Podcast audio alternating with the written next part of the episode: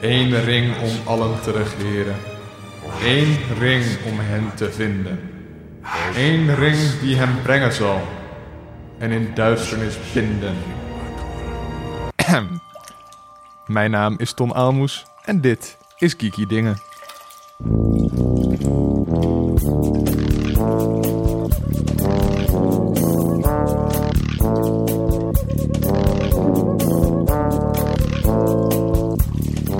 Is Sidney Smeets en als ik in Middle-earth zou leven, dan zou ik een elf willen zijn.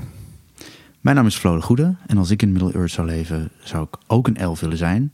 Want ik ben al een hobbit. Uh, mijn naam is dus Tom Aalmoes en als ik in Middle-earth zou leven, zou ik een hobbit willen zijn. Want die leven gewoon een best wel relaxed bestaan en dat lijkt me wel wat. Ehm, ja, u hoorde hem al, we hebben Floor de Goede de gast. Voor, wat kan je ons over jezelf vertellen? Uh, ik ben Flo, ik ben een striptekenaar en kinderboekillustrator. Ja, Dat? dat dus. Dat, dus. Ja, eh, striptekenaar van uh, een, een, een, ja, ik wou zeggen dagelijkse strips, maar bijna dagelijkse strip. Het was ooit een dagelijkse strip. Ik, ik maak de strip al 15 jaar, Mhm. autobiografische strip. Ehm, en ja, en doe het nu Zo vaak als zo je kan. vaak als ik kan. ja, Maar daarnaast illustreer je ook eh, andere boeken van, eh, van schrijvers. Van één schrijver, Van één schrijver. Edward van de Vendel. Ja, Eh, daar heb ik nu is laatst het dertiende boek Mhm. uitgekomen van ons samen. ja en dat, dat, dat is nogal divers hè, waar dat over gaat. Dat ga, ja, dat is elke keer weer anders. Behalve dan een serie over Sophie. Sophie. Ja, daar zijn zes boeken van verschenen. Ja. En de rest zijn allemaal eh, one-shot. One-shots. Maar dan ook wel over, over dinosaurussen en, en monsters en, en dat soort dingen allemaal. Dat soort dingen. En, en eh, eenhoorns. En eenhoorns. Ja, precies. En ehm, ja, je, je maakt die strip eh, over jezelf en over je leven en over de mensen in je, in je leven. En mensen kunnen dat ook gewoon zien als ze dat willen. Mensen kunnen het op doyouknowflow.nl zien. Ja. Eh, maar voornamelijk op, op Instagram. Mhm. Het Vlodego. Mhm. Ehm, want daar zijn niet eh, alleen maar strips te zien, maar ook van alles en nog wat. Ja, want je, bijvoorbeeld nu is het eh, in oktober maak je, maak je speciale tekeningen. Want het is Inktober. Ja. En dan eh, doen volgens mij miljoenen mensen over de hele wereld doen daar mee.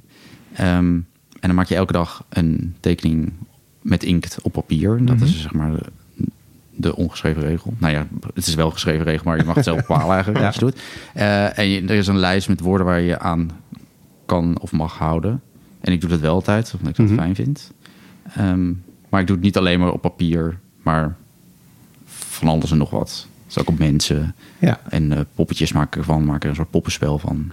Ja, want je probeert volgens mij, eh, want ik, ik volg je, echt, nou ja, iedere dag eh, of een iets andere stijl of, of inderdaad een andere vorm te kiezen eh, dan weer de dag daarvoor.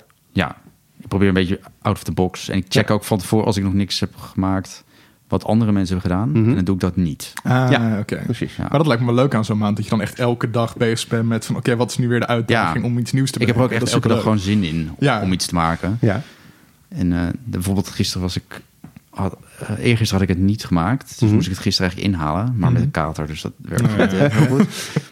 Eh, en vandaag heb ik die van gisteren gemaakt. En ik heb die voor vandaag klaar liggen. Dus die ga ik straks eh, nog, Oeh, eh, na de uitzending. Spannend. Hmm, Oké. En, eh, en op mensen, dus mensen kunnen ook gewoon voor een eh, tattoo bij jou terecht als ze dat willen. Dat kan. Dat kan. Maar eerst door de castingronde heen. Ja. Hebben er al mensen tattoos van jou? Eh, ja, mijn ex-vriend. Kijk. Die heeft een hele grote boom op zijn been. Heel goed. Maar heb je die zelf gedaan of is het dan alleen een ontwerp van jou? Nee, ontwerp van mij. Oh, oké. Ja. Ja. Maar het was heel klein, maar het was zo klein en gedetailleerd... dat het uiteindelijk tot, tot waar ze groter moest. Ah, Ja, Dus, eh, ja. Dus hij gaat jou nooit meer vergeten. Nee, nooit meer. Mijn naam staat er zelfs in. Kijk.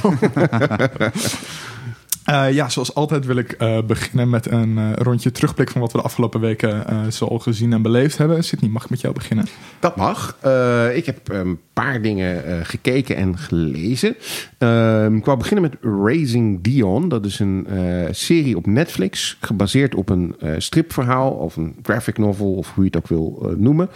Ehm, kort gezegd, een jongetje woont samen met zijn eh, alleenstaande moeder in Atlanta. En ehm, nou ja, de vader is uit beeld. Die is overleden, althans dat lijkt zo te zijn. Ehm, en gaandeweg uh, de serie kom je erachter dat dat jongetje bepaalde uh, bijzondere krachten heeft. Hij kan dingen laten bewegen en nou ja, als je de serie kijkt, worden het ook steeds andere dingen die die kan. Um, en toen ik begon te kijken, toen dacht ik in eerste instantie... Van, ik heb het een beetje uitgesteld, omdat ik zoiets had van... ja, we hebben zoveel superhelden-series en dan gaat dit ook nog over een kind. Dus ik dacht van, nou, dat wordt gewoon dan... Hè, op de, op de middelbare, nee, niet eens middelbare school. Dat is een heel jong kind. Dus op de lagere school, uh, dat hij op het schoolplein dingen doet. En hè, kinderen die dat met elkaar doen. Maar de serie is eigenlijk best wel serieus. En vrij snel kom je er ook achter dat er wel wat sinistere dingen uh, aan de hand zijn. Dat er ook wel met zijn vader het een en ander aan de hand is. Want die is natuurlijk misschien toch niet helemaal uit Mhm. beeld. En ja, hoe is hij dan overleden? Want hij is een soort uh, stormchaser. Die die uh, nou ja, op, naar, naar storm gebieden toe gaat om daar onderzoek te doen. Uh, nou ja, en dat blijkt dan ook allemaal wel weer met het verhaal te maken te hebben. En ik vond het, uh, ik vond het leuk. Ik heb er uh, met plezier naar gekeken en ik denk dat dat zeker een tip is. Heb jij hem gezien? Ja, ik heb, ik heb Raising Dion ook gezien. Mm -hmm. um, ik vond het ook heel leuk en interessant. Vooral omdat het net een ander perspectief heeft dan de meeste andere superhelden-series of films. Ik vond de, de volwassen acteurs niet zo uh, leuk. Mhm. Mm -hmm. Maar het jongetje wel, vond ik heel goed. Ja. Omdat hij echt als kind reageert op zijn krachten. Ja, ja dat is heel leuk om te zien dat, dat, dat hij inderdaad reageert zoals je zou verwachten dat een kind zou reageren op, op, op dat hij iets kan laten zweven of zo. Hè? Ja. Dat is echt, ja, dat is leuk gedaan. En ik heb gelezen, uh, er is een uh, boekenserie van Philip Pullman. Dat is de schrijver van His Dark Materials. Mm -hmm. Dat is een uh, boekenserie die al een aantal jaar geleden uit is gekomen. En de meeste mensen kennen die serie van uh, de verfilming van het eerste boek, uh, The Golden Compass. Het was niet zo'n groot succes, mm -hmm. die verfilming. En daarom wordt het opnieuw gedaan ja. door HBO. Die komen met een serie uh, binnenkort met onder andere Lin-Manuel Miranda en nog andere goede acteurs. Uh, die de eerste trilogie, dus de His Dark Materials tri trilogie, uh, nou ja, in serievorm op, mm -hmm. uh, op, op de buis gaan brengen. En nou, wat we er tot nu toe van gezien hebben, ziet er goed uit. En Philip Pullman is een paar jaar geleden begonnen met een nieuwe trilogie. En dat heet The Book of Dust. Uh, het eerste boek, dat was, uh, ik even goed, La Belle Sauvage. Dat is de naam van een boot die in het boek een rol uh, speelt. En het tweede boek is nu net uit en dat heet The Secret Commonwealth. En waar de boeken over gaan is eigenlijk dezelfde wereld als His Dark Materials. Mhm. Mm -hmm. En ook voor een deel dezelfde uh, personages die erin voorkomen. Maar het speelt zich gedeeltelijk voor, gedeeltelijk tijdens en gedeeltelijk na die eerste trilogie uh, af. Dus het eerste boek zit ongeveer elf jaar voor uh, The Golden Campus. Het boek wat ik nu aan het lezen ben, dat speelt zich ongeveer een jaar of tien later af. En het derde boek wat nog moet komen, want dat moet hij nog schrijven, dat zou ongeveer gelijktijdig met die eerste trilogie moeten, moeten spelen. Um, goed geschreven, ik hou wel van uh, Pullman. Het, is een klein beetje, het heeft een klein beetje een atheïstische inslag. Dat heeft hij ook zelf altijd uh, gezegd. Het is nogal tegen religieuze autoriteiten gericht en tegen nou ja, het, het, maar moeten geloven omdat iemand iets zegt dat het uh, zo is. Mhm. En het heeft duidelijk een voorliefde voor wetenschap en voor het onderbouwen van, uh, van dingen. En tegelijkertijd zit er ook wel een, een zekere bovennatuurlijke uh, toon in. Want er komen allerlei dingen in voor die gewoon in de werkelijke wereld niet, uh, niet kunnen. Um, dus ja, ik, ik, ik, lees het met plezier. En ik, uh, ben ook heel benieuwd naar de serie uh, die straks gaat komen. Tof. Floor, wat heb jij uh, gezien en beleefd? Ik heb de eerste twee afleveringen van Living With Yourself Mhm. van Paul, met Paul Rudd uh, gezien. Dat vond ik heel erg leuk. Um, maar dan ga ik nog niet verder kijken. Nee. um, dan wacht op mijn vriendje. Ja, want dat is misschien goed voor de luisteraar. Als je meer wil weten over waar het vriendje van Flo is, dan kunnen ze jou. Uh, dus dat kunnen ze lezen. Ja. Uh, en, en, daarnaast heb ik uh, de, de Dragon Prince, um, uh, de eerste twee seizoenen gezien. Mhm. En volgens mij komt later dit jaar het derde seizoen. Mhm. dat is van de makers van Avatar. Ja.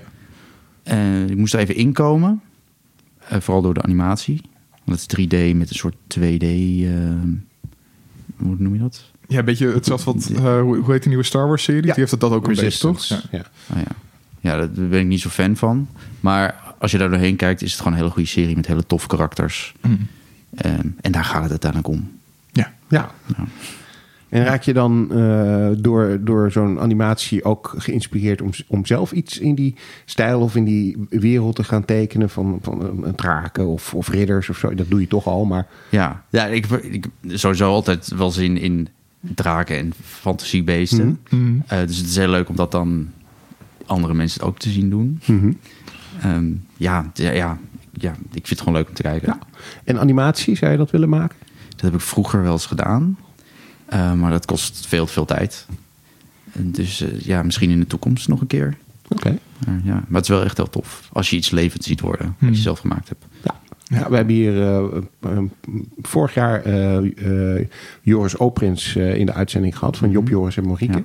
Eh, Oscar-winnende Nederlandse animatiestudio. Mhm. En die kon daar ook heel enthousiast over vertellen hoe die, hoe die dat, ja, hoe, hoe- die daaraan begonnen is en hoe die daarin geëvalueerd is in, in andere technieken ook gaan gebruiken met animatie. Ehm, dus zeker voor de luisteraar een tip om even terug te luisteren. Ja. Ehm, zelf heb ik eh, Succession eh, gekeken. Daar hebben we het ook al eerder over gehad hier. Ehm, en ik heb hem heel erg laat pas, zeg maar, ben ik hem echt gaan kijken. En ik ben twee weken geleden begonnen. Ik ben nu door de eerste twee seizoenen heen. De tweede is net eh, afgelopen week afgelopen. En het is zo, zo, zo bizar goed. Het begint een beetje als een soort comedy over out-of-touch biljonairskindjes... die totaal niet kunnen communiceren met elkaar, met hun vader... eh, die dus een soort eigenaar is van een Fox News-achtige mediaorganisatie.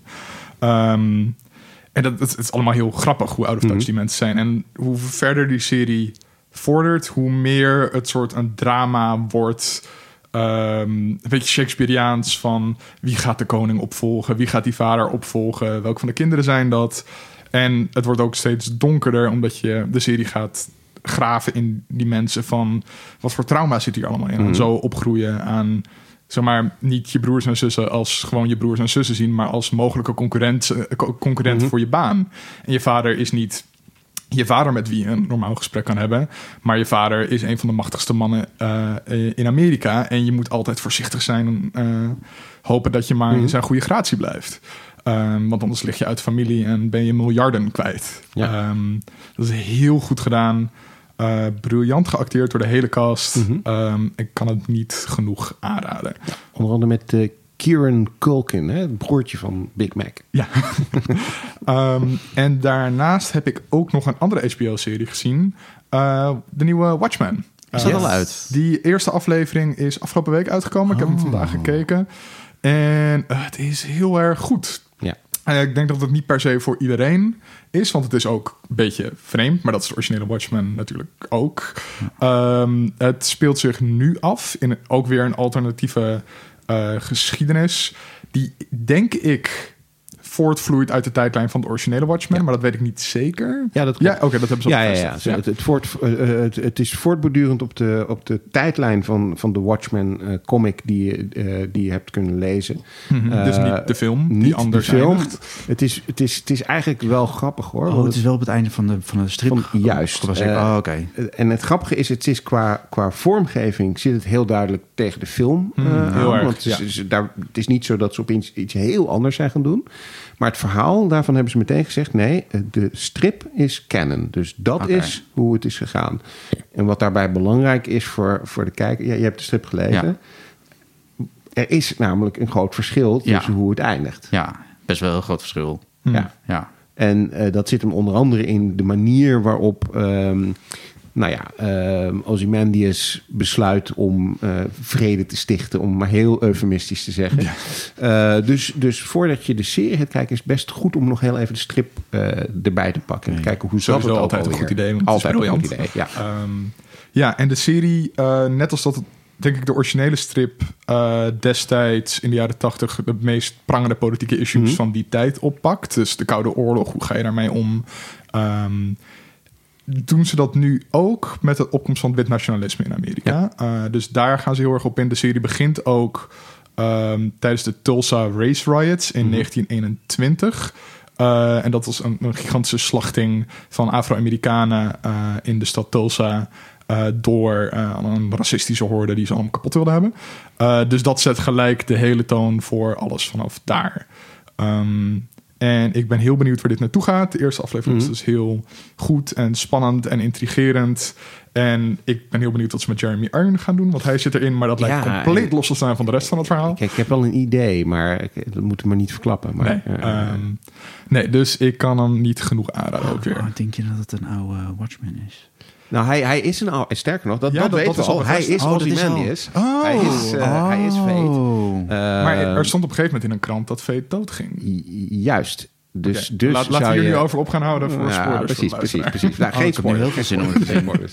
Nee. Eh, wel, let wel op het laatste shot van de eerste aflevering. Want dat is een hele duidelijke reference naar een van de meest iconische beelden van, eh van Ja, ik, eh, ik, Watchmen. denk, ik denk dat dat mensen niet zal gaan ontgaan. Dat kan Nee, bijna dat, niet. Dat kan Nee. bijna niet.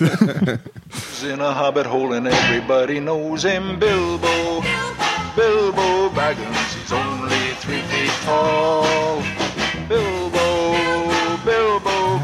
Over naar The Lord of the Rings. En Sydney heeft een vriend die daaraan heeft gewerkt. Of nou ja, aan The Hobbit. Aan de Hobbit. De Hobbit, eh, Justin van der Lek en zijn eh, vrouw Jacqueline... die eh, werken al jaren in de filmindustrie. Mhm. Justin heeft aan heel... Nou ja, als je zijn IMDb erbij pakt... dat is nou ja, bijna niet te bevatten aan hoeveel films hij heeft meegewerkt. van van eh, Star Wars, eh, Iron Man, eh, echt alles wat je maar kunt bedenken, daar heeft hij wel ergens iets in gedaan aan computereffecten. En eh, hij heeft ook gewerkt aan de Hobbit-trilogie en de laatste twee films. Dus eigenlijk ehm, zijn voornaamste ding was Smoke, de, de draak en de omgeving van, van Smoke. Zeg maar hetgene waarvan iedereen zegt: Oh ja, maar dat was wel heel goed aan die film. dat heeft, dat heeft hij gedaan. En ehm, we hebben hem gevraagd. Ik heb, ben vorig jaar eh, bij, hem, eh, bij hem en Jacqueline op eh, bezoek geweest. Hij werkt nu in Nieuw-Zeeland bij Weta. Dat is het bedrijf dat alle special effects voor die films heeft gemaakt. Eh, zoals ik zei, hij doet de computer effects en zijn vrouw doet ehm, make-up effects. Dus ze heeft bijvoorbeeld eh, voor Ghost in the Shell, de, de, de live-action film, heeft zij het eh, pak wat eh, ehm, eh, de actrice aan heeft. Dat, dat heeft zij gemaakt en daar, daar werkt zij dan aan en ze Oh ja. zorgt dat het er allemaal perfect uitziet. Nou ja, hij doet dus computereffecten. En ehm, vorig jaar zijn we samen in de studio geweest. Hij heeft hem allemaal fantastische dingen daar laten zien. En eh, ik had hem gevraagd van, nou ja, we gaan een, Lord of the Rings eh, aflevering maken. Kun jij ons vertellen, ehm, wat heb je eigenlijk met Lord of the Rings? En waarom vind je het eh, leuk om bij Weta te werken en, en wat doe je? Zo, ik loop hier nu in Queenstown, Nieuw-Zeeland. Wat eigenlijk best wel bizar is, want ehm, ja, nu zo'n bijna 20 jaar later, denk ik, nadat ik een enorme fan was geworden van de originele Lord of the Rings trilogie, woon ik nu alweer eh zo'n ruim twee jaar in Nieuw-Zeeland zelf, wat natuurlijk Middle-earth is. En waar ik nu ben, is ook waar Isengard is gefilmd, zeg maar, waar Saruman woont en Lost Lorien. En jullie ook het water kabbelen. Ik ben hier bij een enorm groot meer. Helaas is het een podcast en niet iets eh, visueels. Want als jullie kunnen zien wat ik nu zie, is echt waanzinnig mooi. Maar ja, voor mij... eh, ja, ik ben een grote Star Wars fan. En daarmee ben ik in aanraking gekomen natuurlijk wat, wat, wat special effects is. Maar toen Lord of the Rings uitkwam, was ik ongeveer 16 jaar oud. En dat is wat voor mij eigenlijk een beetje de doorslag heeft gegeven dat, eh, dat dit echt een beroep kon zijn. En dat bedrijf natuurlijk dat dat gedaan heeft, is natuurlijk het bedrijf van, van Peter Jackson in Nieuw-Zeeland, in Wellington. En dat bedrijf heet Weta Digital en Weta Workshop. En eh, in 2013 heb ik eh, het aanbod gekregen vanuit Los Angeles om naar Nieuw-Zeeland te verhuizen om aan de tweede en derde Hobbit te werken. En ja, voor mij was het natuurlijk een enorme droom die, eh, ja, die eh, tot werkelijkheid kwam. En samen met Jacqueline, mijn, mijn vrouw, die natuurlijk special make-up doet, special make-up effects, was het ook een enorme droom om daar naartoe te verhuizen en voor de Weather Workshop te kunnen werken. En ja, dat is gewoon waanzinnig mooi om dat te kunnen doen. Wat helemaal apart is, is dat ja, Nieuw-Zeeland is natuurlijk gewoon Middle-earth. Het maakt niet uit waar je bent of waar je kijkt. Het is gewoon waanzinnig mooi. Het is niet normaal. Je kan ook echt zien waarom Peter Jackson en natuurlijk de filmproducenten en de special effects makers het hier ook wilden filmen. Want het is gewoon geen andere plek op aarde, denk ik, die er zo uitziet en zo divers is. En je loopt gewoon sowieso door een magisch land heen. Toen wij eenmaal hier ook aankwamen in 2013 om aan, eh, aan te beginnen aan de tweede Hobbit. Ja, Jacqueline en ik zijn natuurlijk mega, mega geeks ook. Wat natuurlijk super fijn is, want ja, lopen door, door, Middle, door Middle Earth en Nieuw-Zeeland is natuurlijk mega, mega geekfest voor ons. We hebben toen de tijd ook de, de Lord of the Rings guidebook gekocht als eh, echt trouwe, trouwe toeristen en trouwe nerds en geeks. En zijn toen zo'n beetje bijna iedere locatie eh, afgegaan via het boek. Dus we hebben hele mooie dingen mogen zien, hele mooie dingen mogen fotograferen. En wat natuurlijk super tof is ook, is dat als je zelf aan een scène werkt, zoals bijvoorbeeld die, ehm, de scène waarbij Smaug in de, de derde Hobbit um, Lake Town aanvalt. Dat is hier ook gefilmd bij Lake Tekapo. Ja, dat heb ik natuurlijk daarna ook gelijk bezocht. Dat is natuurlijk super tof om dat te kunnen zien. En, uh, en aan de scènes uh, zeg maar live te bezoeken waar je, waar je zelf aan hebt mogen werken. Kijk, normaliter bij, bij andere films heb ik natuurlijk de luxe dat ik zelf ook op de set en locaties aanwezig mocht zijn. Maar deze productie was al aan de gang, want ze hadden de eerste Hobbit natuurlijk al gedaan. En die crew was al geselecteerd. Uh, dus daar kon ik uh, zelf geen onderdeel van zijn. Maar ja, dat hield me natuurlijk niet tegen om uh, stiekem in de weekenden gewoon huppakee hè, de auto in te klimmen of een, een, een vlucht te pakken naar, naar de locaties toe. Toen ik zelf ook nog op school zat, ik weet ongeveer, dat was ergens in, in, in het jaar 2000. Ik ben toen langs de, ja, de Videoland gegaan en ik was altijd met die duurt aan het praten over wat er nou vette films waren en bla bla bla die bij de Videoland werkten. En ik was een grote Lord of the Rings fan, ook van een boek. En hij vertelde mij dat Peter Jackson dus uh, de filmrechten had en dus uh, de Hobbit aan, of sorry, Lord of the Rings aan het filmen was. En ik dacht bij mezelf van Peter Jackson. Dus ik gelijk een aantal films gehuurd en ik denk, oh nee hè, deze dude gaat toch niet Lord of the Rings doen. Maar ja, niemand heeft volgens mij kunnen durven dromen dat het zo'n mega mega succes en zo'n vet trilogie en franchise is geworden zoals het was. En ik denk ook echt dat niemand anders het heeft kunnen doen. Want hij heeft het op zo'n unieke manier ook gemaakt door eigenlijk een van de eerste regisseurs te zijn die het gewoon aan één stuk gefilmd heeft met een mega grote crew, allemaal lokaal. Uh, in Nieuw-Zeeland, niet andere locaties. Zelfs ook de, de studio's zelf zijn waar, uh, waar Digital en Wette Workshops zijn. Dus dat zit eigenlijk gewoon in dezelfde suburb. Stone Street heet dat, Stone Street Studios. Nou, dat is natuurlijk super convenient en tof. Dus ook toen we aan de Hobbit werkten, dan uh, ging je naar werk toe en dan zag je soms gewoon een pick-up truck met allemaal uh, Hobbit-wapens, met axes en zwaarden in de pick-up truck voor je rijden. En dan wist je van, nou ja, ze zijn weer wat aan het filmen. En de acteurs die, uh, die kwam ook regelmatig tegen hier gewoon lokaal in de pub. Want Wellington is natuurlijk enorm klein. Dus ja, je komt iedereen ook gewoon tegen. Het is echt één grote filmfamilie hier. Wat weer natuurlijk een enorm contrast is met het, het wonen en werken in Hollywood. Dus ja, Nieuw-Zeeland is voor ons enorm ja, bijzonder. En ja, Middle-earth natuurlijk ook. En met name de Lord of the Rings en Middle-earth trilogie. En ik ben ook enorm uh, excited dat uh, Amazon nu uh, de rechten heeft van de Tolkien-familie en Warner Brothers. Dat ze samen dus een grote Middle-earth serie gaan maken. Ik kan daar alleen maar enorm enthousiast over zijn. En ik als fan ook kan niet wachten tot, tot het uitkomt.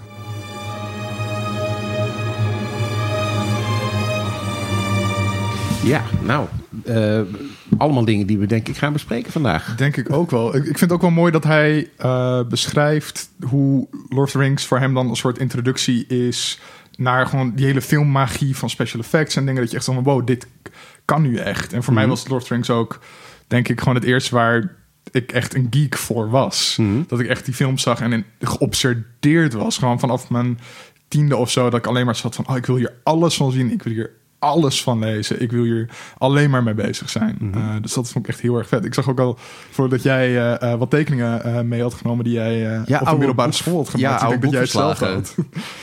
Uh, ja, ja, ik, ja die, die film uh, dat duurde nog een paar jaar voordat dat überhaupt mm -hmm. uitkwam. Toen ik dit maakte. Maar de boeken had ik wel. Ja, moet even voor de luisteraar, want wat hier ligt is... Uh, ja, je hebt dit gemaakt toen je een jaar of... Ja, ik denk 15, 15 was. Nou ja, dat, het is jammer dat, het, dat wat, wat Justin al zei, dat het een podcast is, ja. want jullie kunnen dit niet zien. Ik zal het op maar dit, Twitter uh, uploaden. Dat ja. zou heel goed zijn, want dit ziet er niet uit als iets wat door iemand van 15 is gemaakt. Dit nee. ziet er gewoon uit alsof het zo uh, op de voorkant van de officiële in de band van de ring verstripping kan. Maar goed, vertel, je hebt een, een boekverslag gemaakt. Ja, een, een boekverslag. Ja, nou, ik, kan, ik kan me niet zo goed herinneren dat ik in de band van de ring, de, in ieder geval het eerste boek, heb gelezen. Ja. Uh, maar de Hobbit wel. Mhm. Mm -hmm. En ik had, um, ik heb het dus helemaal met de hand geschreven, want ik Mhm. mm -hmm. had toen nog geen computer. Mm -hmm. Kijk, die, dat was nog niet algemeen uh, bezit. Nee, nee. Uh, um, maar ik had hier wel bij het einde, eindoordeel, wat ik nou heb neergezet. oh, waar, nou, waar staat het nou? Nou, in ieder geval, het was iets met als je eindbeoordeling of eindoor. ehm, nou, hoe noem je dat? Ik ben opeens het woord kwijt. Conclusie. Conclusie. Ja. Oh, eigen mening hier. Nou, echt, dit is het beste en leukste boek dat ik ooit gelezen heb. en dat hier, oh ja, misschien ga ik wel een strip van de Hobbit maken met letterlijke tekst uit het boek. Nice. En dat de leraar erbij gezegd, eh, lijkt me fantastisch. Nou, Hmm. Nou, Never happened. Ja, Ja. nee, ik dus was best wel fan. Ja. En ik kan me nog herinneren dat er was er een trailer van dat ze de film gingen maken. En dan zag je al begin ehm, stukjes van de computer effects. Volgens mij van, van de eerste scène uit de film. En toen was ik ook wel heel erg enthousiast. Ik van, oh my god, dit gaat is, gebeuren. Dit is echt fucking fantastisch. Ja. Maar ehm, ja, en dat vond ik ook hoor. ja. Ja. Ja, hoe, ma- hoe maakte jij dat destijds mee, hè, dat ze hem gingen verfilmen? Ik ehm, was denk ik wat ouder dan jullie allebei. Eh, dus ik had de, de, de, in de ban van de ring ehm, eh, al wel gelezen, het, eh, het boek. En de, Hob de Hobbit ook. Ehm, en toen ik hoorde dat ze hem eh, gingen maken, was ik in eerste instantie nog niet zo heel enthousiast. Omdat ik ook zoiets had wat Justin net zei. eh, ik kende Peter Jackson wel. eh, maar, niet als een goede regisseur. Nou, ik vond het allemaal wel leuk wat hij maakte. Maar ik, dat was niet echt iets wat ik associeerde met van hoe, hoe, de, hoe deze serie eruit zou moeten gaan, gaan zien. Want je hebt toch in je hoofd Gore. ja, dat is, dat is Peter Jackson. Was gore en een beetje trashy en ook wel heel leuk. Maar dat is iets anders dan wat je je voorstelt bij eh The Lord of the Rings. En dat komt natuurlijk ook omdat die boeken eh, jarenlang geïllustreerd eh, zijn door, door nou, voornamelijk door twee illustratoren. Die hebben ook gewoon een geïllustreerde versie van The Lord of the Rings gemaakt. Waardoor je heel duidelijk een beeld hebt eh, bij hoe, de, hoe die wereld eruit ziet. Ehm, en dat is niet iets wat je meteen associeert met Peter Jackson. Dus ik was heel terughoudend en ik had zoiets van, nou, ik ben benieuwd, we gaan het zien. Ehm, maar ja, toen het eenmaal uitkwam, eh, was ik natuurlijk ook meteen eh, verkocht. Het is, eh, ja, gewoon ook vanaf de eerste scène is het gewoon heel, heel knap gedaan. Ja, ik keek vandaag nog even het eerste stukje weer van, van die eerste film. En ik kreeg gewoon gelijk kippenvel met dat Galadriel die voice-over heeft... en die muziek op de achtergrond en die epische veldslagen. Dus je bent ook gelijk geïntroduceerd in een wereld die geschiedenis heeft... die diepgang heeft of zo. Eh, dat is wel een verdienst van de film dat ze dat hebben weten vertalen Ja. op die manier, denk ik. Ja, Ja, ik had de fout gemaakt om ehm, het eerste deel weer te herlezen. Mhm. En toen meteen de film te kijken. En toen vond ik het dus heel erg tegenvallen. Ah, ja, ja, ja. dat het te oppervlakkig was. Of Ja, ik wist dat natuurlijk dat er heel veel dingen geknipt waren en veranderd waren. Tom Bombadil. Ja, ja nou dat snap ik echt dat die eruit is. Ja. Want daar, in het boek las ik ook, dacht ik ook van, wat vroeg is dit? niets toe aan Wat, het verhaal. wat, hoe, wie is dit? Ja. Wat is het een metafoor voor de natuur? Wat is het? Ja. Ja. Nou, dus heel fijn dat die eruit is. Eh, maar ja, ja, ik weet niet. Misschien, ik, ik had de, DV de extended DVD-versie gekeken. En, maar die kwaliteit was gewoon heel slecht. En waarschijnlijk miste ik een soort box-aansluiting... waardoor ik dan wel alle voetstapjes echt hoorde. K- Maar dat klopt, dan hoorde ik de muziek dan weer niet. En dat was, mijn hele kijkervaring was, eh, was niet echt goed. Nee. Maar de andere twee films heb ik op Netflix gekeken. En toen was het opeens een stuk beter. Een stuk beter. Oké. Maar, eh, Maar ja, dat, dat is wel een, eh, een, een, een, een ding. Want toen ook die films uitkwamen, toen was natuurlijk van. van kijk, wa- wa- wa- wat, wat misschien nog niet te vergelijken is met andere eh, eh, verfilmingen, is dat The Lord of the Rings al zo'n geschiedenis en zo'n aanhang Ja. eh, had. Dat er inderdaad mensen zijn, bijvoorbeeld ook sommige acteurs die erin meespeelden, dat zijn mensen die die, die boeken ieder jaar herlezen. Dus Ja. die van A tot Z exact Elk weten detail. wat erin Ja. zit. Er zijn mensen die die taal ook, eh, de vertalen, want het zijn, zijn er verschillende, helemaal kennen. Dus eh, er waren ook wel mensen die, die wel teleurgesteld waren. Van ja, maar luister, dit zit er niet in, dat zit er niet in, dat is eh, eh, veranderd. eh, ehm, Het boek was beter. het Ja. boek was beter. Ja, het boek. Daar is nog wel wat over te zeggen. Want het boek is eh, eigenlijk. eh, of de boeken. Hè, want het zijn eigenlijk drie boeken. Hij, hoe hij het oorspronkelijk als één boek had eh, eh, bedacht. Hmm. Maar goed, de uitgever zei op een gegeven moment van... ja, maar dat wordt een boek dat niemand kan optillen. Dus we moeten er dan toch maar drie delen van, eh, van maken. Ehm, en dat heeft hij geschreven eigenlijk zonder dat hij wist waar hij, waar hij mee be- bezig was. Hij wist wel dat hij dat verhaal wilde vertellen. Maar Tolkien was eigenlijk voornamelijk bezig met, die, met taal. Was natuurlijk ook een taalkundige. Mhm. Hij had een aantal talen bedacht, hè, elfentaal en, en dat soort dingen. En hij wilde verhalen schrijven die die taal een context zouden geven. Eh, dat was eigenlijk zijn bedoeling. En toen hij begon met schrijven met The Lord of the Rings, eh, wist hij eigenlijk ook helemaal nog niet waar hij zou eindigen. Vandaar dat die Bombadil er ook Ja. zo raar in zit. En toen dacht hij, oh Ja, een nee, goede editor had dat er toch uitgehaald. Juist, maar hij had dus geen editor. Dus, dus, Ah, dus, dus da- daarom, is het, Dat daarom is het boek ook eigenlijk... Als je, ja, is het goed geschreven? Ja, ergens natuurlijk wel. Want het is een vrij briljante eh, serie geworden. En het is ook een soort model geworden voor hoe, hoe we dat nu doen. Maar ik, eh, ik, ik, ik hoorde een deskundige op die extended DVD-box... er zitten allemaal van die appendages bij. Mhm. eh, ook uitleggen. Die zei van ja, als hier een, een moderne editor bij had gezeten... dan was Ja. dit boek nooit zo geworden. Nee, maar dat is ook, ik, ik was ook er, weer, ook er weer aan begonnen aan dat eerste boek. En dat begint ook gewoon met een soort proloog over de cultuur van de hobbits. En hobbit-tabak. En waar de hobbits hun lineages vandaan. En de verschillende soorten hobbits die er zijn. En wat hun verschillende tradities zijn. En eentje die houdt wat meer van jagen. En de ander die houdt wat meer van landbouw. En dat is echt zo van, jongens, kom op zeg. Dat vond ik nog wel grappig. En het- ja, vooral dat het beginstuk met, en met Tom Bombadil, dan is het nog heel erg de, weet je, als de Hobbit zelf. Ja, wat eh, eigenlijk echt een een soort kinderboek. kinderverhaal. Ja. Ja.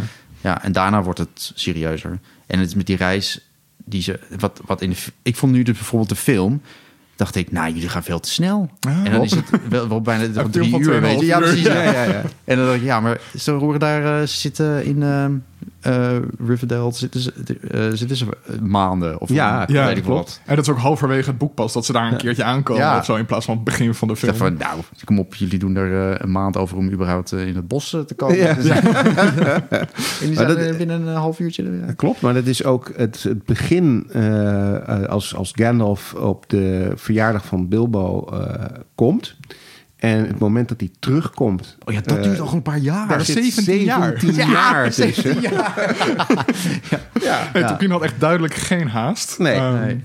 Nee, maar hij is el- echt zelfs de maandstanden die hij noemt Ja, in de ja. boeken, die kloppen allemaal met Oh. hoeveel dagen het zou doen. Dat hij had berekend van, nou, ik heb die kaart gemaakt, dat is zo'n afstand, maar dat is een beetje heuvelachtig landschap. Dus dat zal zoveel dagen geduurd zijn, dus dan is het een wassende maan. Ja, nou ja, Tol- Tolkien was duidelijk ook een enorme nerd. Ja. Gigantisch. Ja. Ja. Ehm, ja, maar die films dus, die daarop gebaseerd zijn, hoe zijn die ooit gemaakt? Want het, het is altijd gewoon de onfilmbare boekserie geweest. Ja, sterker nog, Tolkien zelf, eh, die heeft de filmrechten in eerste instantie eh, voor relatief weinig verkocht. Omdat hij zoiets had van, nou, dit kan toch helemaal niet verfilmd worden. De succes Dus, ermee. eh, ja, inderdaad. zoek het maar uit. Eh, en dat is ook heel lang het idee eh, geweest. Er zijn eerdere pogingen gedaan om het te verfilmen. Er zijn tekenfilmversies eh, eh, gemaakt in de jaren zeventig. Eh, waarvan één heel bekend is. die heet ook The Lord of the Rings. Ehm, en waarvan toen die uitgebracht werd, niet erbij verteld werd dat dat maar een deel van het verhaal was. Dus een heleboel mensen die zijn die film gaan kijken en die dachten, ja, maar het houdt nu opeens op. En waar is de rest? En het tweede deel is nooit gekomen. Nee. Ehm, en op een gegeven moment heeft eh, Peter Jackson ehm, met New Line Cinema eh, ja, een deal gesloten. eh, en gezegd van nou, ik wil die films gaan maken. En Harvey Weinstein. Ja, die zag ook, ja, ja. Harvey. Weinstein. Ja, ja, ja, klopt. Ehm, en zijn eerste idee was dat hij het in twee films wilde doen. Eh, en op een gegeven moment toen ze naar de, de studio gingen en zeiden van nou, eh, dit is ons plan, samen met zijn eh, partners, zei de studio al vrij snel van ja, maar dat in twee films dat kan eigenlijk helemaal Gaat niet worden. Maak er maar drie films van. Nou, dus een beetje een embarrassment of riches, want zij dachten van oh ja, maar nu mogen we dus opeens drie films maken. En wat, wat ik zelf denk dat vrij briljant is geweest aan Peter Jackson, is dat hij ervoor gekozen heeft om dat allemaal in Nieuw-Zeeland te doen. Hmm. Om dus te zeggen van kijk, ik ben met die boeken opgegroeid en ik ben opgegroeid in Nieuw-Zeeland. Voor mij is Nieuw-Zeeland Middle Earth.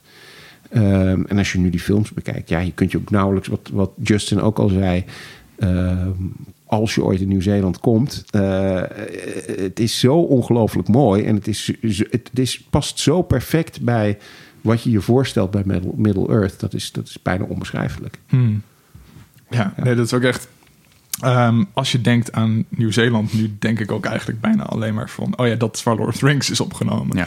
Ja. Ehm, en dat is natuurlijk ook bij de Hobbit uiteindelijk een rol gespeeld... dat ze daar naartoe zijn gaan, omdat ook de arbeid daar veel goedkoper was uiteindelijk... dan bijvoorbeeld in Hollywood waar ze hadden Ja, ja, nou ja, de, de Hobbit. eh, eh, misschien moeten we dat gewoon eh, eerst maar doen, want dan hebben we het gehad. Ja, gewoon als een, als een pleister die we ervan aftrekken. Ja, ja, ja. Daar hadden ze één film van moeten maken.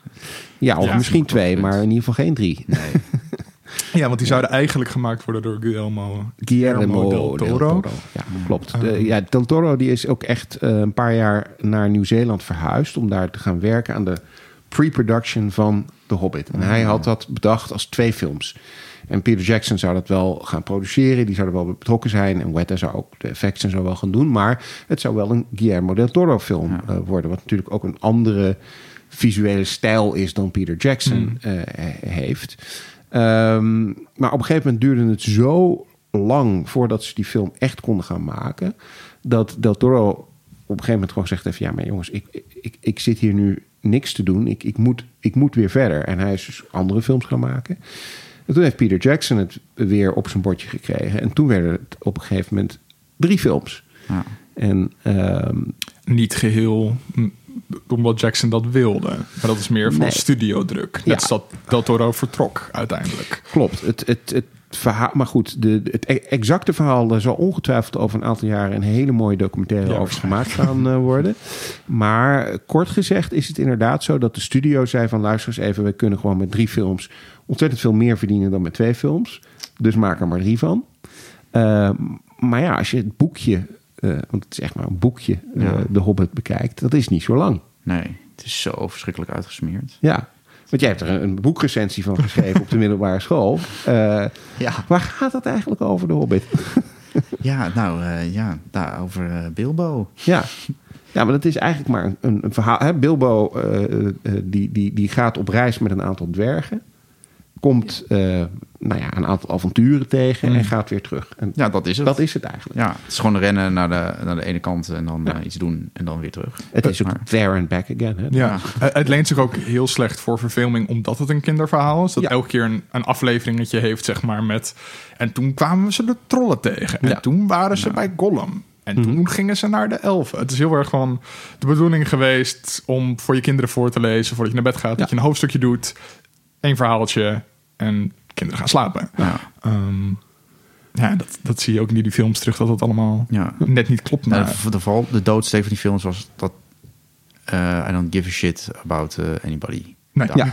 Dus dan ging er weer een dwerg dood. En dan dacht ik, ja, Ja, dat is een probleem. In, in, het, in, het, eh, boekje, in, het, in het boekje maakt het niet zo heel veel uit. Want het, gaat sowieso, het, is, het is niet zo'n lang verhaal. En nou ja, als je de ene dwerg niet van de andere kunt onderscheiden... maakt niet zo heel erg veel uit. Want eh, ze zijn toch allemaal een beetje inwisselbaar. Ja. Ehm, maar goed, als je drie, drie films van urenlang Ja. die karakters moet volgen... Dan, dan moet je op de een of andere manier eh, bij die karakters ook een soort gevoel krijgen van... oh, maar hè, net zoals je eh, in Lord of the Rings in de eerste film... als Boromir doodgaat, dan, dan voel je daar wat bij. Ja. Dan, is dat, dan is dat iets. Ja, al- alle negen fellows in de fellowship, daar, dat zijn karakters waar je iets om geeft. Die Ja, zijn opgebouwd, die hebben diepgang. eh, en die dwergen hebben dat gewoon niet. Nee, ik bedoel, nee. twee, twee krijgen een beetje een character arc en dat is het. Ja, en dat zijn... Nou, de, de, als je het... Er zijn ook extended editions van deze films. jezus. Tuurlijk. Ja.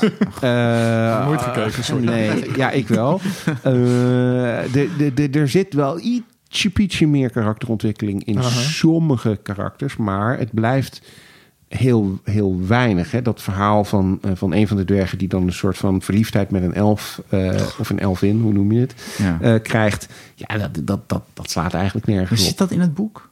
Nee, dat was helemaal niet. Zij- Dat karakter van. Evangeline Ja. Lilly zit überhaupt niet Ah, ehm, in de boeken. En die hebben ze dus bij gedaan om een soort van hashtag girl power ding Mhm. bij Ja. te hebben. En toen hebben ze later, tijdens reshoots, kwam de studio met... eh, jongens, we willen eigenlijk nog een soort love triangle eh, tussen Legolas en Oh, Fili. maar dat die studio's. Ehm, om, om wat meer, soort van, haar meer te doen, te doen te geven. En Evangeline Lilly, Lilly is die film binnengekomen met de belofte... geen love interest, niet gekut daarmee. Ah, En moest dus terugkomen voor dwerg reshoots. En dan nog een dwerg, ja. wel de knapste dwerg. Wel de knapste. Ja, maar dat is ook een dingetje. Eh, er zijn dus een paar dwergen die duidelijk eh, bedoeld zijn als knap. We hebben, eh, kennelijk vond de studio het dus lastig dat er in zo'n film... eh, of drie films... eh, ja, alleen maar lelijke dwergen zaten. Eh, want ja, ik bedoel, laten we eerlijk zijn... die dwergen die, die, die hebben allemaal make-up en baarden en weet ik veel. Maar die Dus er moest ook nog wat mannelijk eye candy in. Of- ja, dus was het idee van er moet ook een soort boyband dwergen komen. Ja. Nou, dat heb je dan dus met, met Thorin, Oakenshield. Die eh, dus van alle dwergen ongeveer de minste make-up heeft. En het meeste zijn eigen gezicht laat zien. Ja, en het nog meeste die- lijkt op Aragorn uit de originele Juist, films. exact. Een soort Aragorn-kloon eh, is. En dan heb je Fili en Kili. Dat zijn eh, broertjes. Dat, dat weet overigens niemand die de film heeft gezien... en niet het boek heeft gelezen, want dat blijkt nergens uit. Ehm, Naam. Behalve de naam, Ja. inderdaad. Sterker nog, ze zijn ook neefjes van Thorin. En dus de troonopvolgers als hij dood zou gaan. Dat weet ook niemand. Want dat Nee, maar ook niet uitgelegd. uit, nee. Ehm, maar die zien er dus ook eh, min of meer normaal uh, Ja. uit. Die hebben dus ook niet allemaal, allemaal niet dingen op hun gezicht geplakt gekregen. Maar ja, dat is natuurlijk heel raar. Want dan heb je dus een aantal dwergen die eruit zien zoals dwergen. Zoals Gimli in de, in de eerste Ja. eh, trilogie. En je hebt een aantal dwergen die eruit zien ja, als, mensen. boyband dwergen. Ja, die zou net uit de puberteit zijn. Net een Dwergen. puberteit Ja, dwergen. Pas Ja. een, een jaartje of zestig. Ja, precies. eh, YouTuber Lindsay Ellis die heeft ook een eh, eh, filmserie of een film of een docu-serie gemaakt over de Hobbit.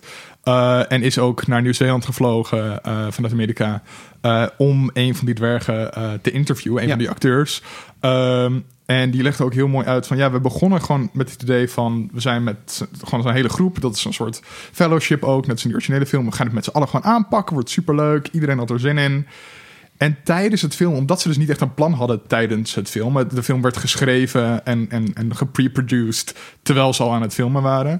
Kwamen ze er steeds meer achter dat zij gesidelined werden. Want ze hadden op verwacht om gewoon allemaal wel een soort uitgewerkte rol te krijgen. En dat kwam er dus gewoon niet. Dus zij zaten ook de hele dag gewoon uren te wachten op make-up om dat op te krijgen. Om eh, al die gekke neuzen en baarden en allemaal opgeplakt te krijgen. En zij zaten daar gewoon op de set te wachten tot ze mocht, eh, mochten spelen. En het gebeurde maar niet. En het gebeurde maar niet. En het gebeurde maar niet. En in het begin zei hij dan... kregen we nog wel eens een flesje wijn... van oh, sorry dat je de hele dag hebt moeten wachten. Eh, en dat houdt dan na een tijdje ook op. En die hebben dus daar gewoon tijdens de hele productieperiode... eigenlijk gewoon zitten wachten op de set. Een soort etelfiguratie eigenlijk. ja. Ja, ja, ja. Ehm, Want je hebt de Hobbit films ge- ge- gezien? Ja, het, twee keer zelfs. Twee keer. Nou ja, eerst in de bioscoop. En toen was ik ook een beetje. De, e- het was volgens mij de eerste keer dat ik dacht... ik wil gewoon weg nu. Ja. mhm. En toen moest ik nog twee uur. En eh, daarna dacht ik, oké, ik ga nog een poging wagen. Ik ga ze nog een keer kijken thuis. En het was zo, ik, ik weet niet, ik heb heel veel spelletjes gespeeld ondertussen. Ja. Gewoon, ja. Ja, kijk, wat, wat ik net ook zei, dat zei ik niet geheel voor de grap, eh, is het hele smoke en, en eh, verhaal. Hè? Dus dat de, de draak en het, hoe de draak het, de menselijk, mensenstad aanvalt en zo. Dat, dat vind ik ook serieus goed gedaan. Hè? Niet alleen omdat Justin dat gemaakt heeft, maar omdat het er ook echt heel goed uitziet. Die draak ziet er bijzonder realistisch uit. Ja. Eh, Benedict Cumberbatch, hè, die de stem eh, van die draak eh, doet, die, die, nou ja, die heeft de rol van zijn leven daar ook in. Oh, Die als je, er als je die helemaal achter de schermen dingen Ja. ziet... dat hij zo over de grond kruipt in zijn motion capture suit. is great. Hij heeft ook echt de bewegingen gedaan. Ja, Ja, hij ja. heeft helemaal geacteerd hoe die draak zou bewegen. En nou, die stem natuurlijk gedaan en zo. Ja. Het animatieteam heeft helemaal niks gedaan. Nou, ja, het is wel mocap natuurlijk. Maar, ehm, nee, maar dat, dat, dat ziet er goed uit. En dat is ook, ook goed gedaan. En zo zitten er meer momenten in eh, de Hobbit-films... waarvan ik zeg, oh, dat is eigenlijk best wel goed gedaan. Ehm, ik vind bijvoorbeeld dat begin... dat het begint op dezelfde dag als The Lord of the Rings. Hè. Het begint op de dag van de verjaardag van Bilbo. Mm, ja. En Elijah Wood komt Oh, ja, ook ja. terug voor een cameo. Eh, dat vind ik dan leuk. Ehm, alleen die cameo's die daarna komen, dat is gewoon heel. Dat, dat, dat, dat is zoveel opvulling. Dat ze dan Eh, ook naar de Necromancer gaan. En de Necromancer wordt expliciet Sauron genoemd. En ze proberen hem heel erg op te zetten als een prequel. Eh, terwijl de Hobbit nooit zo geschreven Nee. is natuurlijk. Dus dan moet je ineens heel veel gaan toevoegen. Ja, maar dat ene stukje dat ze daar eh, met de Necromancer, met, met die vergadering... Ja. dat is volgens mij één alinea in Lord of the Rings. Ja. Volgens mij Een dat halve ze zin dat ze Gandalf zegt... ik ja. ga tegen de Necromancer vechten, dikke doei. Of ja, we hebben een vergadering daar gehad. Ja. En toen voelden we al de krachten. Dat was het. En daar hebben ze dat DLC. Hebben ze die hele scène uitgehaald. Ze hebben heel veel ook gehaald uit eh, de andere eh, eh, verhalen die eh, Tolkien wel geschreven heeft. Hè. Dus Ja, ja. het Ja. meeste, dat is dan op zich dan wel, misschien kun je dat positief noemen. Eh, ze hebben een aantal dingen gewoon verzonnen. Eh, maar er zitten ook een heleboel dingen in die echt wel uit, uit het bredere verhaal van Tolkien eh, komen. Die alleen niet thuis horen in deze film. Nee. En eh, dat is natuurlijk ook wat die dwergen hebben meegemaakt. Want op het moment dat je heel veel tijd aan Saruman eh, gaat besteden... of aan, eh, eh, ehm, hoe heet ze, van Kate Blanchett? Galadriel? Galadriel. Ja, dan kun je die tijd, terwijl het toch al hele lange films zijn... maar die tijd kun je dus niet meer besteden aan de karakterontwikkeling van de dwergen. Ja, dan wordt er ook ineens sterk geïmpliceerd dat Galadriel en Gandalf een beetje de hots voor elkaar hebben. En dat Ja, dat is ook heel eh, raar. Ja. eh, waarom? Ja, nee, dat Baffling. hele... En, ehm, nou ja, en, en Gollum moest er natuurlijk eh, eh, in. Dat, dat, dat stukje vind ik dan ook nog best aardig gedaan. Ja, dat, is ook bijna, bijna letterlijk letterlijk. overgenomen. Ja, dat- als een van de weinige Ja, stukken. dat is Ja. gewoon een heel... Ja. Dat hoort in Hobbit, ja. Ja, klopt. En het, het oorsprong, de, de Hobbit is, is eh, in een nieuwe editie eh, herschreven. Want de oorspronkelijke Hobbit, daar zat Gollum ook in. En ook de ring wel in. Alleen was helemaal nog niet bedacht door Tolkien dat dat de ring zou zijn. Eh, en was Gollum ook eigenlijk een, een, een iets... Nou ja, ja, wat vriendelijker. of- vriend, ja, ander, ander karakter. Het was niet helemaal zoals het is. Eh, en later, toen hij de Lord of the Rings eh, had geschreven, heeft hij bedacht: oh, wacht eens even. Oh, dat is wel zijn eigen Die ring? herschrijving. Ja, ja. Oh, ja, dus oké. Tolkien heeft wel wat dingen geredconned. Redcont, Ja, inderdaad. voordat dat zo ja. heette. Nou ja, en die scènes met Bilbo en, en, eh, ehm, en Gollum, eh, ja, dat is inderdaad bijna letterlijk uit het boek. En dat is ook dan meteen dat je denkt, oh Nou, ja, fijn dat, ze is in ieder geval cool. iets letterlijk Ja. hebben. Ja. Ja, Ja, want die hele Goblin Chase scene die daarop Ja. volgt... dat zwaartekracht ineens niet meer bestaat. Holy En- shit, dat duurde oh, zo lang. Man, man, man, man. Dat was het enige wat een beetje kinderverhaal was. Ja, die goblins. Ja, daar binnenin. eh Ja. met, Ja, maar het, eh, het is ook heel gek dat eh, de, mm, ze hebben heel erg vastgehouden aan de look van de originele films. Eh, behalve met, met bijvoorbeeld die Goblin Koning, die er inderdaad dan ineens uitziet als een cartoon character. ja. Ja, dat Weet Dame dat is Edna heel trouwens, gek. De, Wie? wie Dame Edna. Oh, echt? Huh? Oh, Dat de elke keer acteur. dat het eh, dingetje was. Eh, nou, hoe heet hij nou? Steven Fry? Die zit, Ja. laat- die zit er later in. Dat, Steven Fry is Ja, die de- speelt dan die Ja, burgemeester. Maar ik dacht ja. door de stem dat hij dat was. Nee, nee. Maar, oh, dus ik denk, oh, wat Het zou niet de eerste keer zijn, want Gimli speelt ook Treebeard in de Ja. originele film. Eh, merk je ook Oh. niet. Ehm tenzij je er echt op let trouwens. Mhm. Ehm, ja, maar dus we zijn het er wel over eens dat de Hobbit wel gewoon een beetje... Ja. Het is heel jammer. En het is Ja, eh, precies gemiste eh, wat jij zegt, dat, het, dat ze dus zo vastgehouden hebben aan die, ehm, ehm, ja, die look van de, van de eerste, nou eigenlijk de, de tweede trilogie, maar de eerste Ja. films. Ergens is dat natuurlijk goed, want het speelt zich in hetzelfde universum en zo af. Maar ehm, daardoor is- zijn dit niet, eh, en ik denk dat Guillermo del Toro dat wel gedaan zou hebben. Dit, dit, dit staat niet op zichzelf. Dit is niet een zelfstandige goede trilogie of een zelfstandig goede verhaal. Of een Je, snapt het ook niet als je de originele trilogie niet nee, gezien hebt, Nee, en het, het, het is echt een, een soort cashje op, de, Ja. op, de, op het Ja, succes van, van de vorige. Ja. ja, het is niet met liefde gemaakt. Nee, daar, daar lijkt het op. Ja. Hoewel als je de, achter de schermen kijkt, dan nou ja, eh, zijn er nog wel mensen die daar eh, met heel veel liefde over praten. Eh, maar, en die documentaire die jij noemde, Mm. eh, komt dat ook wel naar voren. Wat, wat, eh, als je nu in Nieuw-Zeeland aan mensen gaat vragen wat ze over de Hobbit vinden. Eh, Lord of the Rings vinden ze allemaal nog steeds fantastisch. En dat is ook voor Nieuw-Zeeland, voor het toerisme in Nieuw-Zeeland heel belangrijk eh, geweest. Want iedereen wil naar Middle-earth. Ja. Maar de Hobbit heeft echt een heleboel eh eh, kwaad bloed gezet. Omdat eh, op een gegeven moment wilden de acteurs die in de film speelden... die waren aangesloten bij een vakbond. En die vakbond was de Australische en Nieuw-Zeelandse vakbond. Die werkten samen. En die zeiden op een gegeven moment van... nou kijk, als wij gaan werken in een, een Hollywood-film... eh, dan moeten we ook hetzelfde betaald krijgen als acteurs... die in een Hollywood-film spelen. En omdat het nou toevallig in Nieuw-Zeeland wordt opgenomen... kan het niet zo zijn dat we maar hè, voor een handje pinda's... en een eh, glaasje bier eh, dat doen. Ehm, dus die zijn gaan onderhandelen als vakbond... om te zeggen van luister even... Hè, er is een Screen Actors Guild in Amerika. Die hebben deze regels, die willen wij ook. Nou, toen werd er meteen door de studio gedreigd van... nou goed, als jullie dat vinden, dan gaan we wel naar Polen. Ja. Of naar Tsjechië, want daar hebben ze die eisen niet.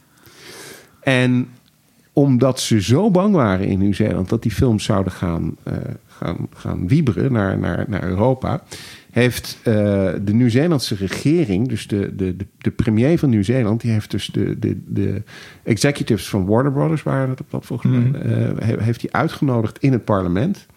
En die heeft gewoon een deal met ze gesloten. En die deal komt erop neer dat eh, mensen die in de filmindustrie in Nieuw-Zeeland werken, die worden gezien als eh, ZZP'ers. En die kunnen zich dus niet aansluiten bij een vakbond. Dus kunnen ze geen collectieve eisen stellen over hun inkomen. En die wet heet dus gewoon de Hobbit Law. Oh. Ah, Kapitalisme En, is ja. het kwaad. Het Ja. is echt schandalig. Wat de hel? Ja, ze Ja, zijn er nu pas mee bezig om te proberen om die wet zo, zo, zoveel mogelijk weer terug te draaien. Omdat dat natuurlijk nogal wat nare gevolgen heeft voor eh, mensen. Maar ja, ik snap ook dat die, die regering dan in paniek raakt. Want gewoon Ja. een, een filmproductie van honderden miljoenen je land binnenhalen... dat doet nogal wat voor je lokale Ja. economie natuurlijk. Eh, zoals Justin ook beschreef, dat je dan gewoon trucks met hobbitwapens... Ja, door sta- eh, steden eh, heen ziet rijden. Het is ook bizar dat, dat een zo'n filmproductie dan zoveel invloed kan uitoefenen. Dat is echt... eh, Klopt. Gek om je voor te stellen dat dat ook in Nederland zou gebeuren. Dat er een soort van Disney aankomt kloppen van... jongens, we nemen jullie de regering over. Ja. Let's go. We, we gaan de Daily Flow verfilmen, maar gaan we wel alle eh, arbeidscontracten in dit Ja. land eventjes omvormen eh, naar hoe wij dat willen. Ja, dus dat is heel bizar. Oh ja, nog één ander ja? ding. De, de, dat, maar goed, daar gaan we in deze uitzending niet zo heel erg over hebben. Omdat we hopelijk binnenkort nog een keer een aparte aflevering gaan maken over de muziek van eh The Lord of the Rings. Want dat is ook nog een heel eh, bijzonder verhaal. Eh, maar bij The Hobbit is dat ook weer een dingetje. Dat, dat je dus merkt dat bepaalde muziek die voor The Lord of the Rings is geschreven... die wordt hergebruikt in The Hobbit. Maar op een manier die eigenlijk helemaal niet past... bij de scènes waarvoor die muziek is geschreven. Dus dat Ja. is ook nog weer een... Lin- Lindsay Ellis heeft dan Ja. een voorbeeld ervan met het thema voor de Nazgul. Ja, eh, dus dat is heel iconisch. Je hoort dat in de originele trilogie en je denkt gelijk, de Nazgul komen eraan. Je weet het gewoon omdat het gewoon een leidmotief is en dat betekent iets in die film. Ehm, en dan heb je ineens in The Hobbit, aan het einde van de eerste film, dat Thorin heel dramatisch door een brandend bos heen loopt en dat Nazgul-thema eronder zit, omdat ze gewoon dramatische muziek nodig hadden en niet meer de tijd hadden ehm, om iets nieuws te produceren qua muziek. Eh, de- dus al die, die, die zorgvuldig geschreven muziek uit die originele films wordt dan ineens een soort van verdraaid. ja. Ehm, wat heel zonde is. Ehm, ja, die films hebben ook heel veel invloed gehad op ehm, hoe überhaupt nu films en trilogieën en franchises gemaakt worden. Dus de- de- ik heb dan over originele films, Mhm. Lord of the Rings. Terug Gewoon- naar Lord of the Rings. Terug naar de Lord of the Rings. Ja, we hebben net als de films van de Hobbit te lang over de Hobbit. Ja, de veel Hobbit te lang. Oké, ja. we zijn er nu klaar mee. Eh, we zwijgen over de Hobbits. Eh, terug naar de originele film. want Dat is ook de eerste films die soort van back-to-back werden geschoten allemaal. Mhm. Wat nu ineens veel meer voorkomt ook om, om kosten te drukken en zo. Ehm, en überhaupt gewoon de moderne eh, fantasy of comic trilogie. Dat idee komt daar Ja. vandaan, toch? Klopt. Het, eh, de, ja, Justin zei er net ook al iets over. Deze films, dus, dus wat Peter Jackson heeft gedaan, is alle drie de films in één keer opgenomen. En weliswaar eh, gedeeltelijk in volgorde, maar ook niet alles, want het werd ook wel door elkaar opgenomen. Ehm, en dat, dat had natuurlijk het voordeel dat je daarmee eh, een aantal kosten kunt eh, besparen. Want als je het gewoon in één keer doet, dan hoef je niet al die mensen iedere keer weer terug te laten komen en alles opnieuw op te bouwen, maar kun je het gewoon in één keer eh, filmen. Ehm, en vervolgens hebben ze ervoor gekozen natuurlijk om die films niet allemaal tegelijk uit te brengen, maar daar zat wel wat tijd tussen. En nou ja, als je die eh, extended editions eh, en de, de bijlagen daarbij bekijkt, dan zie je ook dat ze natuurlijk op een gegeven moment, ondanks dat ze het als één film hebben opgenomen, eh, al vrij snel allerlei dingen daar weer bij zijn gaan bedenken van, oh ja, maar dit willen we ook nog. Dus uiteindelijk is dat een hele Als je dan toch de hele productie crew nog steeds bij elkaar Ja, hebt. Ja.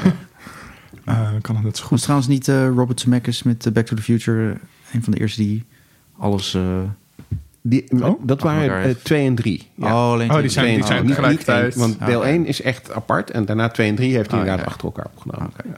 Ja, eh, dus zover over de productie van de films. Ik wil nu wat meer over thema's en het verhaal Hmm. eh, gaan hebben. En eerst even gewoon beginnen met de worldbuilding. Want ik zei het aan het begin van... je hebt een soort van zulke diepe lage geschiedenis en mythologie erin. Heb- hebben jullie de ehm Silmarillion en nagelaten vertellingen gelezen? Nee. Nee. Ja. Ik heb het boek wel thuis staan, maar... Ja, oh, nee, no- ik nooit, heb- nooit doorheen nee. gebladerd.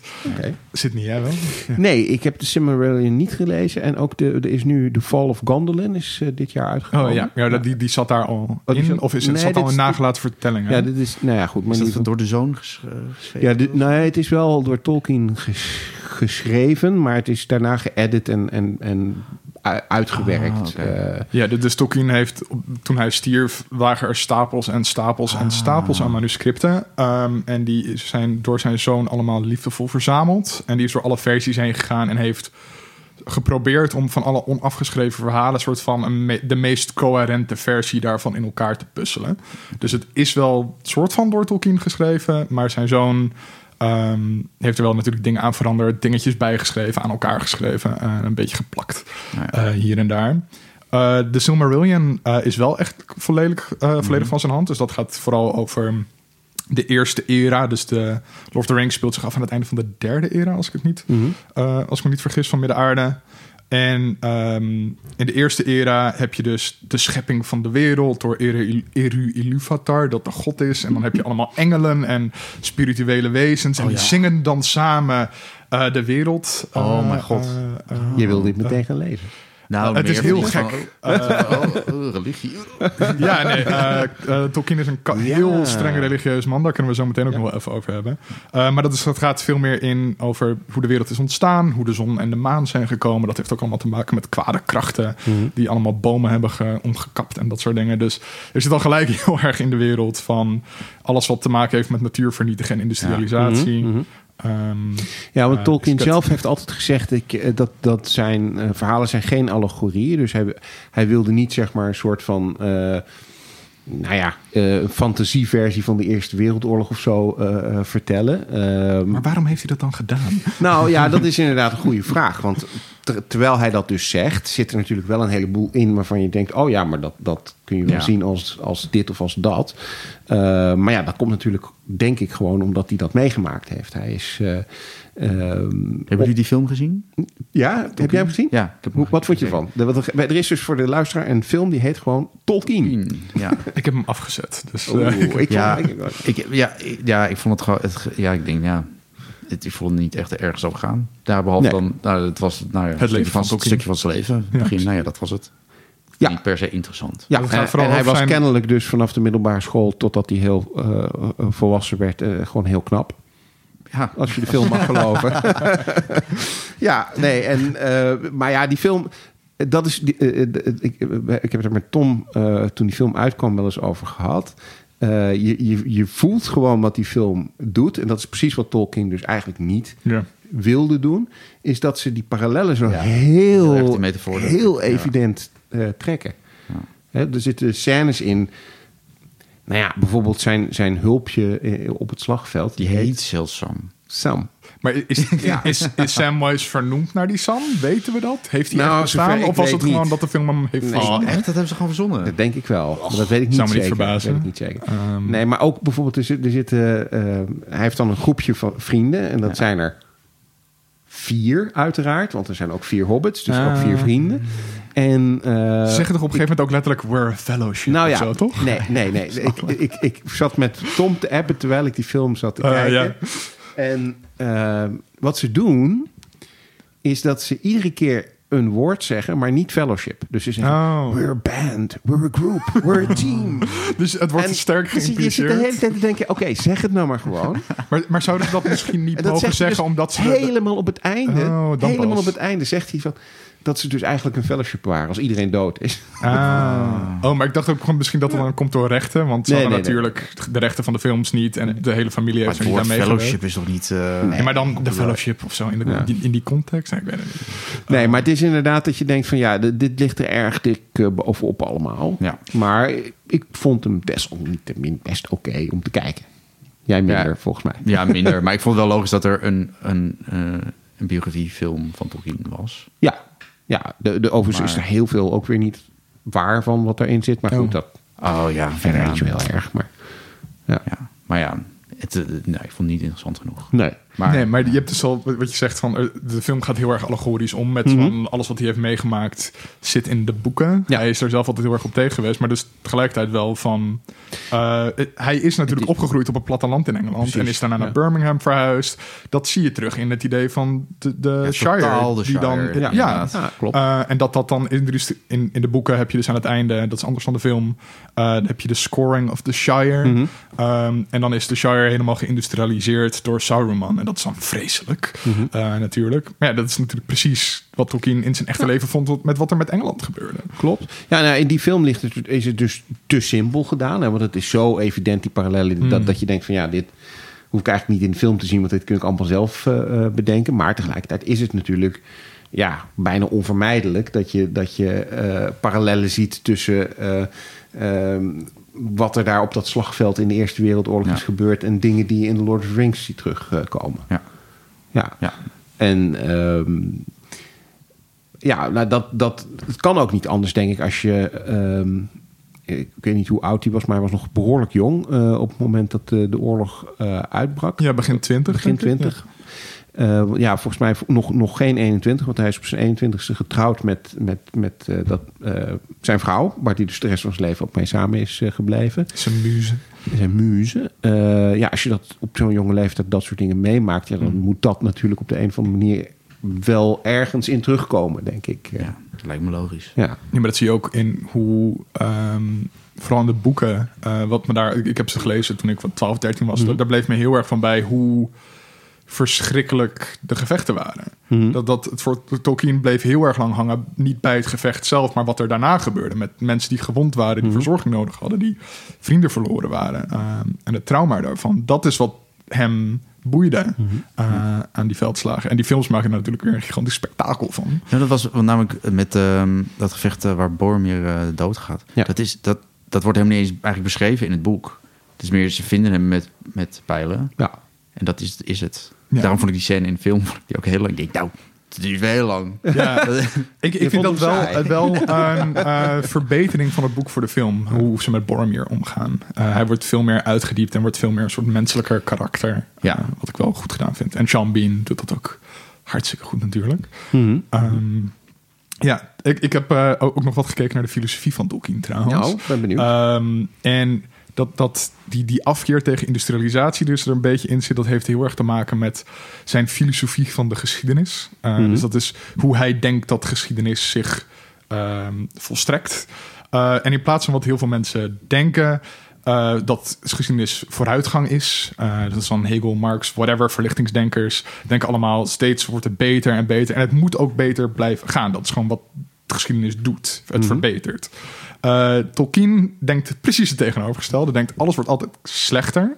Um, zeker materieel slechter. En mensen zetten te veel in op zeg maar, materiële vooruitgang, maar dat heeft niks te maken met morele vooruitgang. Mhm. Dat heeft natuurlijk ook met zijn christelijk geloof te maken, want dan ziet ook natuurlijk dat dat secularisatie tot geweeg brengt.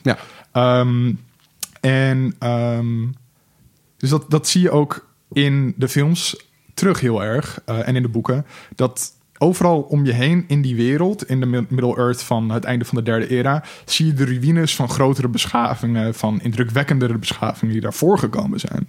Um, dat vond ik wel heel erg interessant dat ze dat zelfs dus in de films best wel vasthouden. Klopt. En ook, je ziet het ook aan het uh, feit dat de elfen Middle-earth verlaten. Ja. Hè, dat, dat, dat, dat, dat geeft ook aan dat de tijd van de elfen, dus die, die heel erg neergezet worden als nou ja, hele hoge cultuur en, Ja. en heel bijzonder, die is voorbij.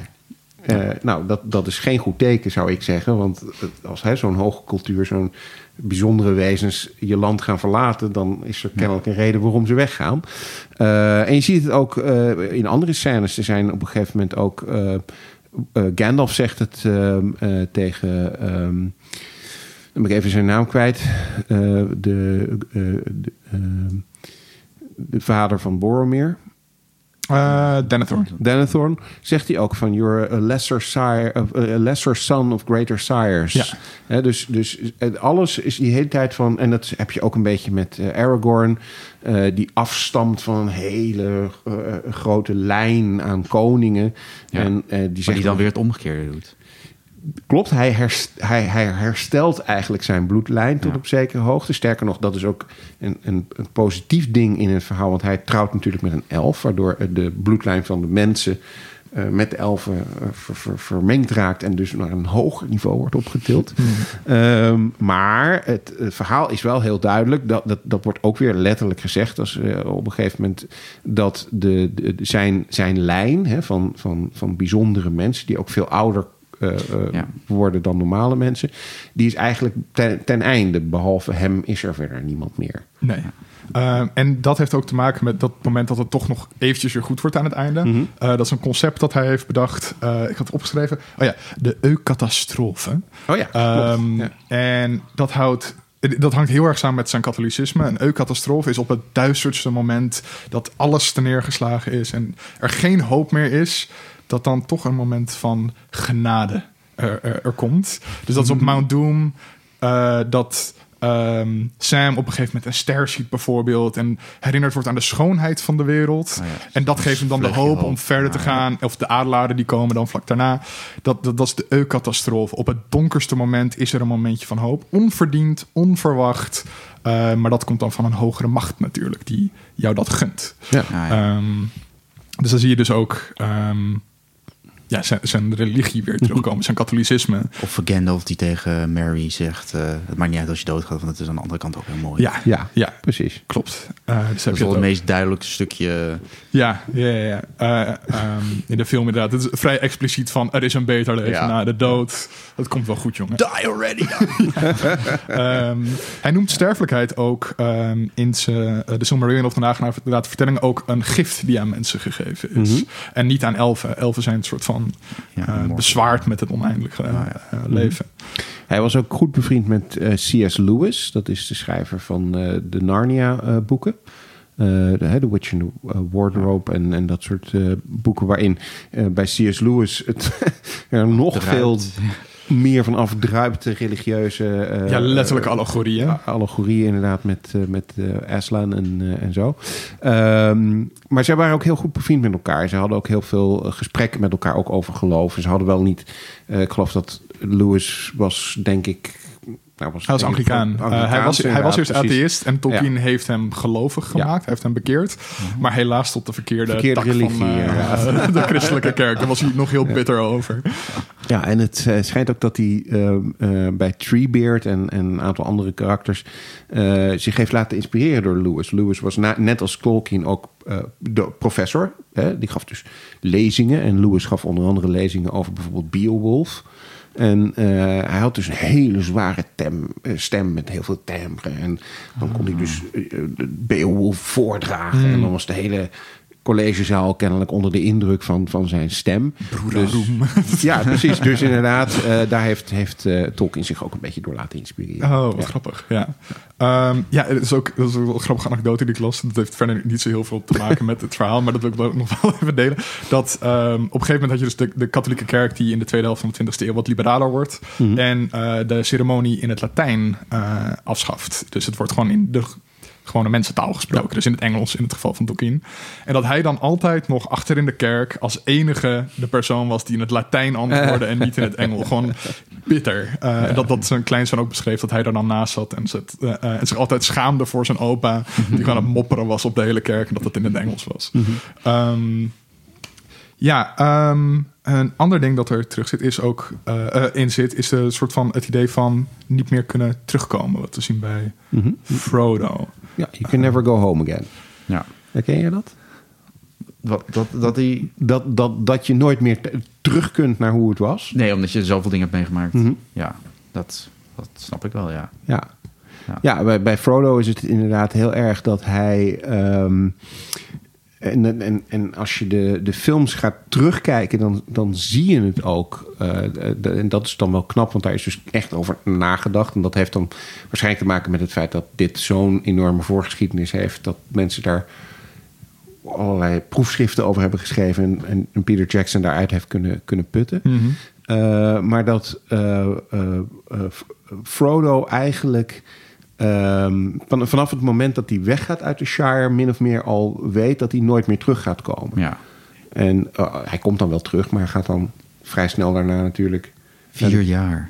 Ja, Volgens- vier jaar.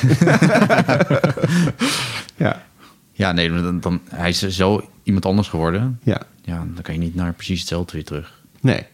Nee, en hij. ehm, en, eh, maar van de andere kant, Mary, eh, Pippin en, eh, en Sam, die kunnen het wel. Maar die, hebben, die waren ook geen eh, ring eh, barrier. Dat Of is waar. Barrier, ja, Ringdragers. ring- ringdragers. nee, dat klopt. En ehm, nou ja, Sam eh, trouwt dan natuurlijk ook Ja, netjes. met de liefde van zijn leven. liefde van zijn leven. Ja, de bardame die nooit iets zegt. Nee, er is verder geen karakter anders dan een object van lust voor Sam. Eh, Nou ja, dat is ook nog wel interessant. Ik, ik- de, de- de- zeg maar de, de, de vrouw in, eh, eh, Ja. in, in, in de verhalen van Tolkien. Want je zou bijna kunnen zeggen dat eh, die hele eh, Lord of the Rings en de relatie tussen de fellowship, eh, dat daar wel iets, iets homoerotisch in zit. oh, ja. Ja, nou, zat ik ook aan als- te denken. als schrijver van autobiografische Ja, nee, ik dacht daar ook, wel eens iets homoerotisch in voorkomt. Ja, nou, ja. maar nee, ik, ik had precies hetzelfde gehad. Heel erg, iedereen is heel aanhankelijk en heel erg... Mhm. Het is echt wel eh, bros before hoes. Ja. Maar, maar ik dacht ook, ja, het is ook gewoon heel erg... eh, gewoon mannenvriendschap. Mhm. En dan, ja, de, de gays onder ons, eh, die zien meteen eh, iets homoerotisch in. Maar eh, ik, ik zag het toch uiteindelijk meer als... Gewoon, ja, hoe mannen eigenlijk ook wel met elkaar wat meer om mogen gaan. Zeg maar, op- echt gewoon liefde voor elkaar. Mhm. niet op een seksuele manier. Ja, ja. Ja, want tussen Dat, Sam en Frodo, ik bedoel, ik snap dat het heel vaak homo- homoerotisch gelezen wordt of Ja. gekeken wordt. Maar het is ook gewoon een hele tedere vriendschap of Ja. zo. Dat is een heel Ja, ander idee precies. van mannelijkheid. Ehm, wat je ook wel vaker in Lord of the Rings, want de mannen in Lord of the Rings zijn niet per se... Al, al heb je natuurlijk wel dat ze vechten en zo en ze doen stoere dingen. En Legolas surft over olifanten en zo. Eh, maar dat, dat, dat eh, bijvoorbeeld Aragorn wordt, wordt, wordt als soort van... eh, oh ja, tuurlijk. Ja, ehm, als soort van voorbeeld neergezet. Maar hij is heel teder in alles wat hij Ja. doet. Heel erg nederig. Hij is niet soort van bombastisch. Ik ben de koning, we gaan het aanpakken, Ja. let's go. Ehm, en ook heel lief voor zijn vrienden. Ja. Ehm, dat vond ik, vind ik eigenlijk wel heel Ja, mooi daar hoe gaat dat de film erin zit. uiteindelijk over, hè? Vriendschap. Ja. Ja, ja, ja. ja. Nou, dan vertel eens, want het gaat, het gaat dus over vriendschap. Nou ja, zo, ja, nou, dat is in ieder geval een hele grote... eh, Mhm. ja, ja. Ja, ja, het het- zijn allemaal verschillende soorten vriendschappen. Mhm. Zie je terug. ja, je, ja, nou ja, want je hebt eh, de vriendschap. Ja, het, het- er zijn sowieso verschillende vriendschappen natuurlijk. Hè, dus Ja. de, de mensen die met elkaar gepaard eh, eh, worden eigenlijk. Ehm, en verschillende soorten vriendschappen. Wat bedoel je dan precies?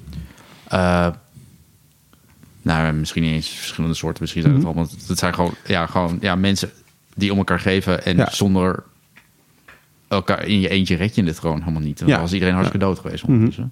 Ja, nou ja, zeker bij, bij, bij Sam en, en, en- Frodo is het natuurlijk heel duidelijk dat, dat Ja. Frodo kan op een gegeven moment gewoon niet meer verder gaan. Hmm. Dus dan tilt Sam hem op en, eh, en, en, en neemt hem letterlijk eh, op zijn schouders eh, mee. Ehm, maar inderdaad, die vriendschappen tussen, tussen mannen, die zitten er natuurlijk heel duidelijk in. Aragorn en Boromir hebben duidelijk een band met elkaar. eh, in ieder geval in de, in de film, waardoor het natuurlijk op het moment dat Boromir doodgaat ook veel meer impact Mm. heeft. Ja.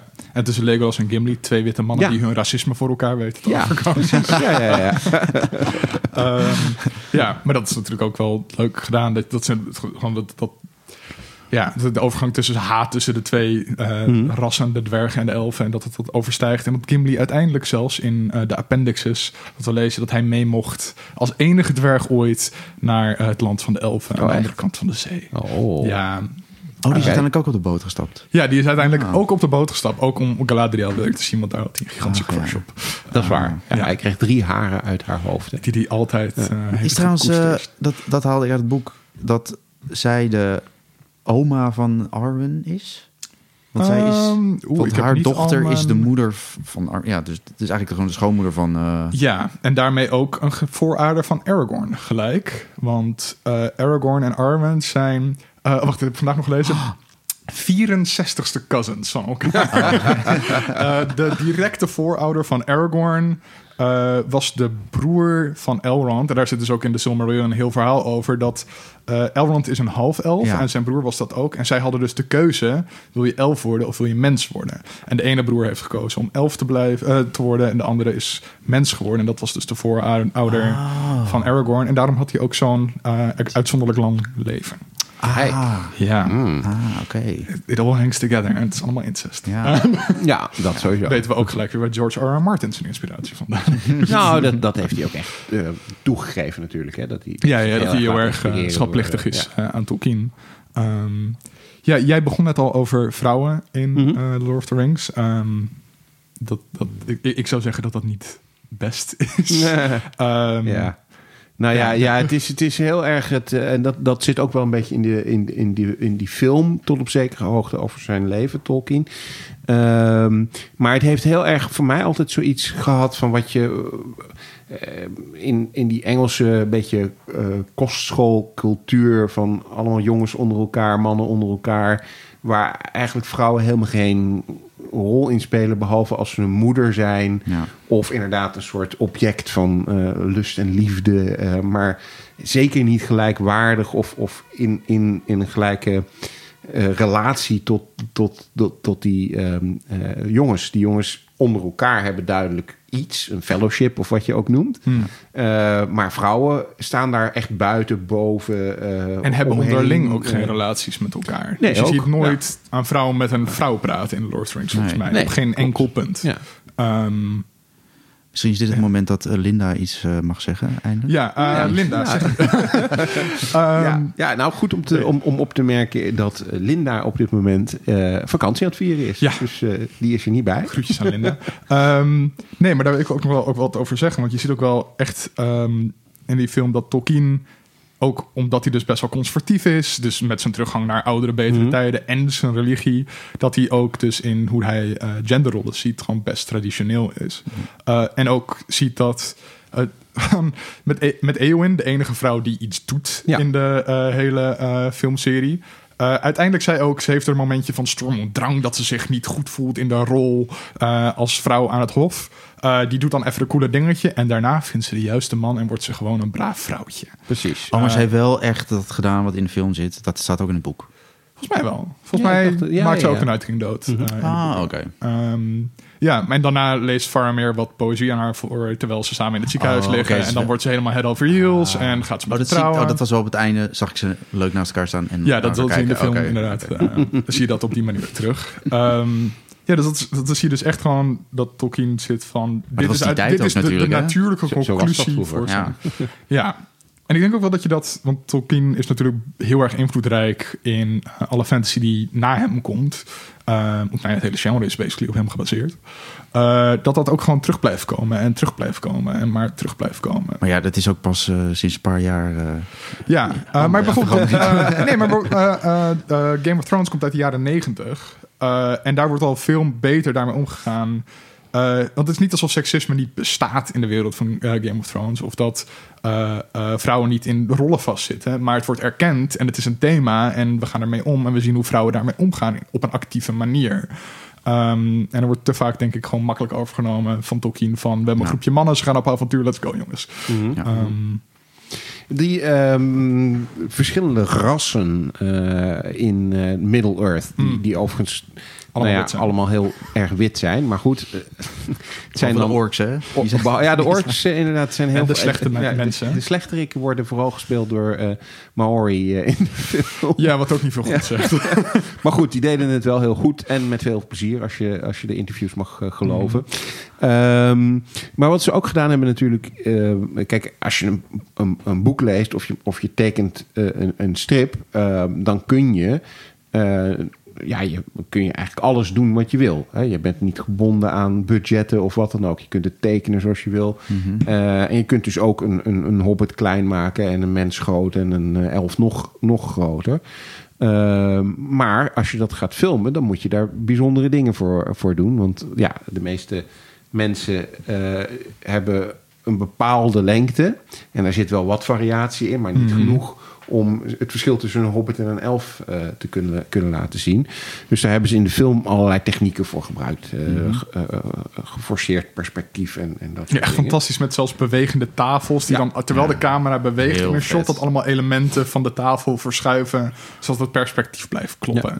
Echt Maar, fantastisch. maar, maar ik ben wel benieuwd, want ik, viel het jou toen je die films eh, keek, had je toen door dat hobbits heel klein, ja, dat, hobbits klein zijn, dat, dat wist je waarschijnlijk al. Ja. Maar eh, hè, zag je het in de film ook?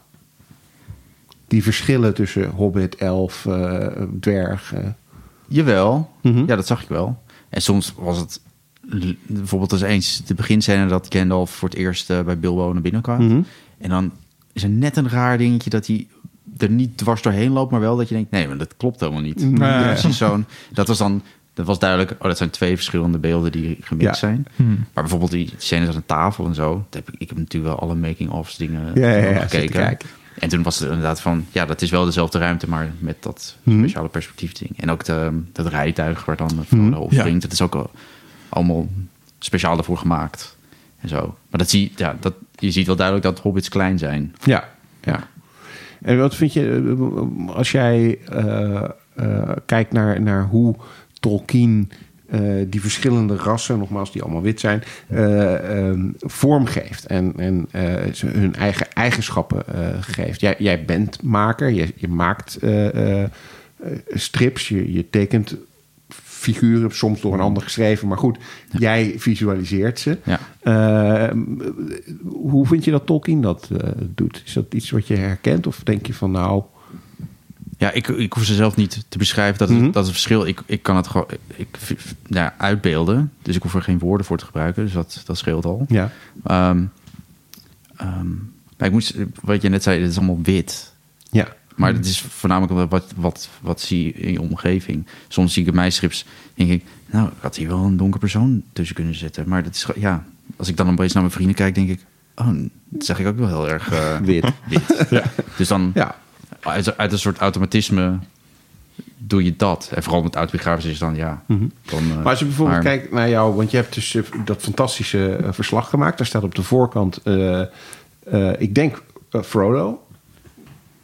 Toch? Ja, het is Frodo. Ja, Frodo. Ja. Ehm, en als je naar de tekening kijkt voor de luisteraar... dan zie je Frodo met Sting. En hij heeft een cape om. Hij heeft een groen shirt aan. Hij heeft hele grote voeten. Eh, en een heel groot oor. Ehm, zo, zo stelde jij je dus voor hoe hij eruit zou zien... toen je het boek had gelezen. Ja, dat was mijn beeld. En Mhm. ik, had, ik had wel de, um, de filmboeken van die ene animatiefilm. Ja, Ah, ja, ja. Die, ehm nou shit, wat Was zijn Rotoscoop? Ja, Rotoscope, Ja, ja. die film. Ehm, dat was het enige beeld wat ik ooit had gezien van Mhm. een Hobbit. Maar dat vond ik, dit vond ik, zeg maar, dat vond ik niet... ehm, Nee, jouw Hobbit ziet er genoeg. aanzienlijk leuker uit dan, Het eh, ziet dan wat in, die, ja, uit. in die film. ja, Ja. zo teken ik mezelf ook ongeveer. ja, ehm, Maar hoe was dat dan toen je de film zag? Had je zoiets van, oh ja, zo heb ik het me voorgesteld? Of dacht je bij sommige dingen van, hm, nee, dat had ik toch anders gedaan?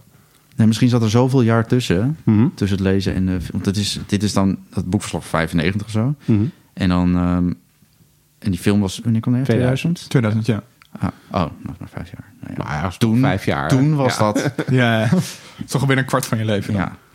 Nou.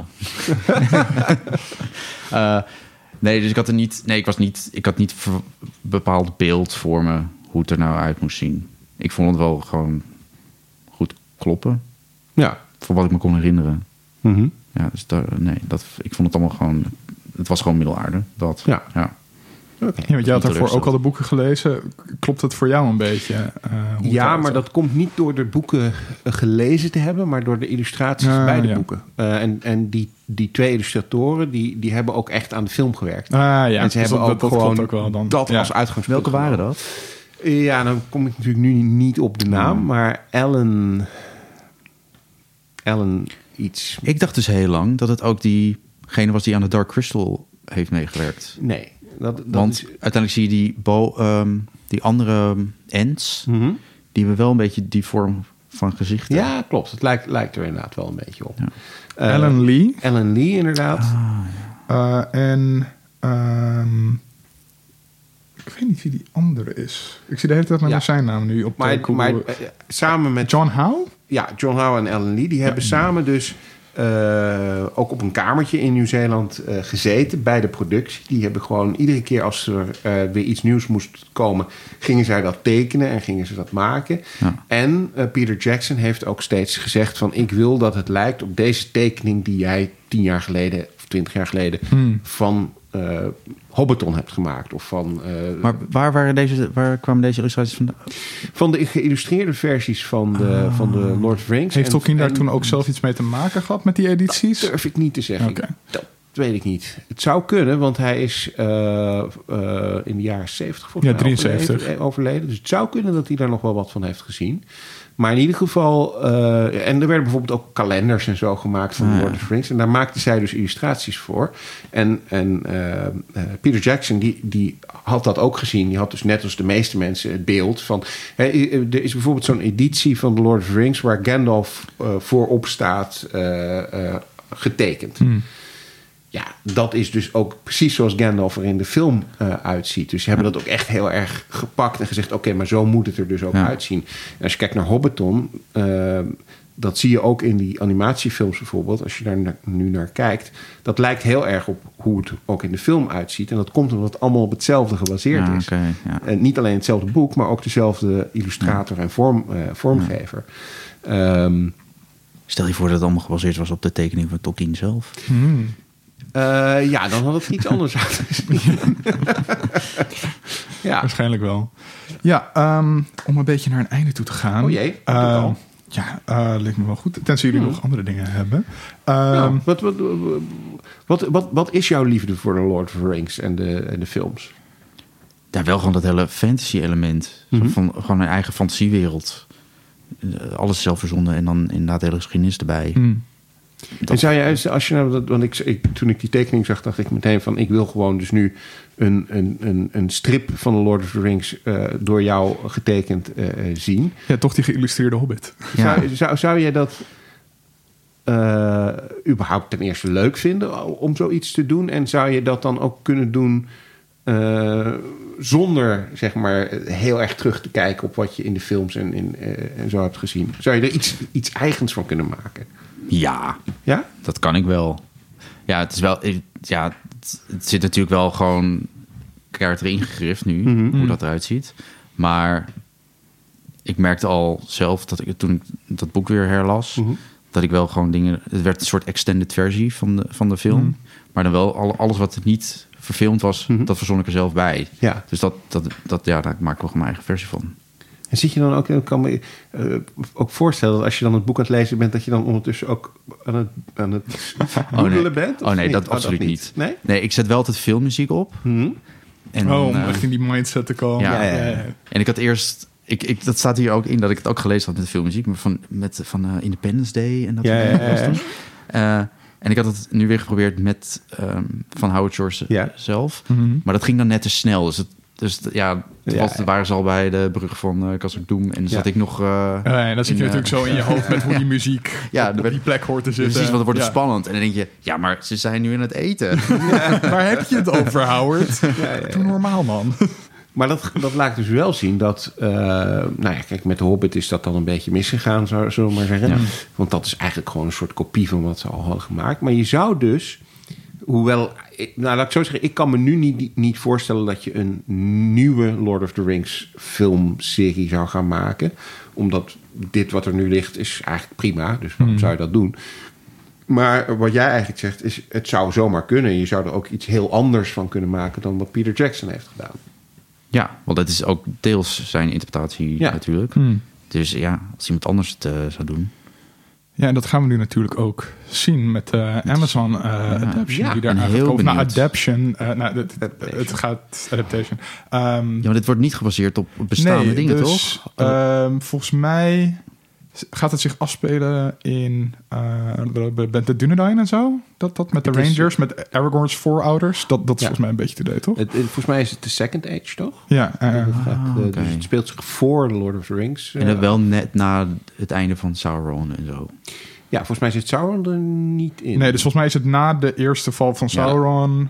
Ja, dus- dus tussen dat en The Lord of the Rings. Ehm, dus dat je dus het verval ziet van de eerste koninkrijk, grote koninkrijk van mensen in de Mhm. eh, Middle-earth. Dus ik denk dat we dat dan gaan zien. Ik ben wel heel benieuwd, want dat is natuurlijk een ding ook, en dat is dus interessant. Tolkien heeft tot op dat punt dingen beschreven. Mhm. En er zit eigenlijk een soort van in de kanon van Lord of the Rings een heel groot gat tussen eh, de eerste val van Sauron en het verhaal van de Hobbit en Lord of the Rings en zo. Dat is het enige stuk in de hele geschiedenis dat hij niet beschreven heeft zelf. Mhm. Dus ik denk dat ze daardoor ook dit hebben gekozen, omdat ze daar als enige plek een soort van free reign hebben om dingen in te gaan. Ja, want ze hadden toch ook, eh, ook alleen maar de rechten voor dat, wat waren de films Ja. ook, dat, die ja, dus het zijn Dus ook heel veel met games zitten in die periode. Ja, dat want alleen wat- maar daarvoor Want wat niet in, eh, alles wat in de Silmarillion stond, dat mochten ze niet gebruiken of zo. Nee. En dat, oké. Nee, dus de Tolkien estate is ook heel erg eh, ehm, voorzichtig met hoe ze de rechten weggeven. En, eh, zeker naar de Hobbit, denk ik. Mhm. Ja. Ja. Kijk jij er naar uit, naar de serie? ja, ik ben wel benieuwd. Ja. Ja. Ik heb nu voornamelijk zin om eh, het boek verder te lezen, wat ik Ja. nog Mhm. nooit verder gelezen heb. En, en het Silmarillion en zo. En, eh, Ja, ja, ja. De Silma- eh, dat staat ook al heel lang op mijn lijstje. De Het is wel echt, het, is doen. echt, het, het leest bijna als een academisch werk soms. Oh ja? Oh. Eh, want het is echt een geschiedenis. Ja. Uh, maar er zitten ook hele goede. uh, nee, nee, nee, maar er zitten dus ook hele goede verhalen tussen. Want het- omdat het dus een, een, bij één raapsel is van verschillende dingen, heb je dus dingen over koninkrijken die vallen en uh, uh, gaan. Maar je hebt ook uh, het verhaal van Beren en Luthien, wat een soort hervertelling is uh, van Beowulf. Dus daar is het heel erg op geïnspireerd. Oh, ja. En je hebt het verhaal van de kinderen van Hoerin, uh, wat in het Nederlands niet zo, wat in het Nederlands niet zo lekker klinkt, wil ik net zeggen. Um, maar het is een soort verhalenbundel eigenlijk dan. Ja, ja Ah, dus, dus dat, dat zit er ook in. En dat is ook een soort, soort tragedie en mythe en epos... Uh, waar ook weer draken in voorkomen en dingen. Hij heeft ook uh, de, op, hun, op hun grafsteen staat ook... Uh, Beren en Luthien. Ja, ja, ja. ja, ja. Dus, de, de, dus Tolkien en zijn vrouw... Op hun grafsteen staat de naam van die twee karakters... die een episch liefdesverhaal met elkaar hebben. Ja, um, ja nee, dus... Dat is heel leuk. Dat kan ik echt heel erg aanraden om dat allemaal te gaan lezen. Hoor. Er zitten echt hele, hele, hele goede verhalen tussen. Okay. Um, en dus allemaal appendixen over... er was een klein volkje dat daar leeft. En dat zijn een beetje gekke mensen. En daarom zit deze steen ergens in Lord of the Rings verstopt. Ah. Weet je, dat, dat ergens komt Aragorn in uh, het tweede boek... ergens een ruïne tegen of zo. En Ah. dan ergens in een appendix... een nagelaten vertelling is dan een heel stuk over... het volk dat verder nergens voorkomt. Maar Tolkien heeft Easter alles over ze bedacht. ja. In a world. In a world. World. World. World. In a world. Waar hebben we de komende tijd zin in? Wat heb ik... Uh... Oh, um, ik heb best wel zin in um, Daybreak. Ja. Een soort apocalyptische zombie high school serie. Ja. Oh, gebaseerd op een strip ook. Mm -hmm. Al vond ik de strip eigenlijk, denk ik, interessanter al. Die moet ik nog lezen, maar ik vond het er leuker uitzien. Hmm. Oké. Okay. Want ik had alleen maar de trailer van Daybreak gezien, maar het Ja. wordt dan een beetje, toch een beetje... Um, het is heel high school. Ja, high, ja, een beetje te. Hmm. Ja. En volgens mij is de strip is meer uh, vanaf uh, een karakter gezien die in die hele apocalypse zit. Mhm. En hoe ervaart hij dat? En niet eens per se de zombies zijn in beeld of zo, maar Nee. het is gewoon meer zijn ervaring. Een soort meer uh, de, de Last Man, hoe heet het ook weer, die Will Smith film? Why ja, het is gebaseerd op Why the Last Man, maar het heet... Um, oh, I Am Legend. I Am Legend, ja. ja, nou ja met het begin van die film. Ja. Um, dat, en ik ben heel erg benieuwd naar de, uh, alle animatiefilms die Netflix, Netflix binnenkort uit gaat brengen. Onder, onder andere Klaus, mm -hmm. een 2D-animatiefilm. Ja, het ziet er heel mooi uit. hè? Heel vet. Ja. Uh, bijna 3D. Maar ik heb zo'n Ja. filmpje gezien en dat ze Mhm. laten zien hoe ze het opgebouwd is. Ja. Zo'n de inkleuring ziet er gewoon heel erg 3D uit. Maar het is allemaal 2D-animatie. En dat vind ik gewoon heel tof dat ze dat uh, doen. Het heeft een hele eigen stijl, heel anders dan wat je gewend bent Ja. uh, van animatie. Ja, althans. Nou ja, van vroeger Ja, van- animatie. Ja, vroeger ja. animatie. Ja, dus dat, daar ben ik blij mee. En ze gaan volgens mij Bone ook verfilmen in de serie. Nice. Wat volgens mij al jaren een plan is, maar Mhm. nooit gelukt. En uh, nu gaan ze dat doen. Nice, oké. Ja, nou ja, Netflix is sowieso wel goed bezig met dit soort dingen. Ja. Ze maken ook af en toe wat dingen waarvan je denkt, moi. Wat zoals The Island. ik heb het hele seizoen gezien. Per Nee. ongeluk. Nee, Ja. hoe kijk je per ongeluk zo'n Nou, slechte ik, serie? ik had hem aangezet. Ik nou, kijk wat het is. En toen ging het gewoon door. En ik dacht, nou ja. En ondertussen was ik gewoon op mijn telefoon bezig. En ja, het was wel gewoon fascinerend om te zien hoe slecht... Het dat is echt het slechtste wat ik in tijden gezien had. Maar dan, dan heb je wel onze wedstrijd gewonnen. want, Ja, totaal eh, heb ik die gewonnen. Ja. Nou, jullie weten de plot twist niet, hè? Nee. Oh, er komt een plot twist. Oh, nee. Ik wil het niet eens weten. Maar Wil je ook ik ben niet weten. eens nieuwsgierig. God. Dat is ook porno zonder porno. Zo heb ik het ook Zo ervaren. Ja. Oh, Ja. Oké. Nou, Ja, ik, kijk, ik, kijk, ik kijk ook uit naar iets op Netflix. Want daar begin ik dan maar even mee. Mhm. Eh, op 1 november, dus dat is al eh, binnenkort, eh, komt The King op Netflix. Oh, ja. Nou, daar zit Timothée Chalamet in. Dat is natuurlijk Ah. altijd eh, al eh, Heeft niet interessant. zulke goede recensies. Nee, dat heb ik ook gelezen, maar eh, laat mij. ja, laat ja, ja, mij. is goed. Ehm, ehm, ja, Robert, Robert Pattinson zit er ook in, dus ook Oh ja. niet onaardig om naar te kijken. Ehm, en het is eigenlijk gewoon een, een- soort van verfilming van de toneelstukken van Shakespeare, Henry IV en Henry V. Ehm, in een moderner jasje, maar het, is wel, het is wel historisch drama. Dus het is, Hmm. Ja. niet, speelt, het is niet een soort Romeo en Juliet van Ja. Luhrmann. Maar eh, met nieuwe, niet. nieuwe acteurs. Dat ik denk, nou ja, ach, ik, ik, ik, ik kijk daar wel naar uit. Hmm. Ik hou wel van historisch drama en ik, ik hou ook wel van Timothée Chalamet. Hmm. Dus eh, ja, ik eh, kijk wel uit naar The King. Ik wou zeggen The Thing, maar Net iets bijna anders. hetzelfde.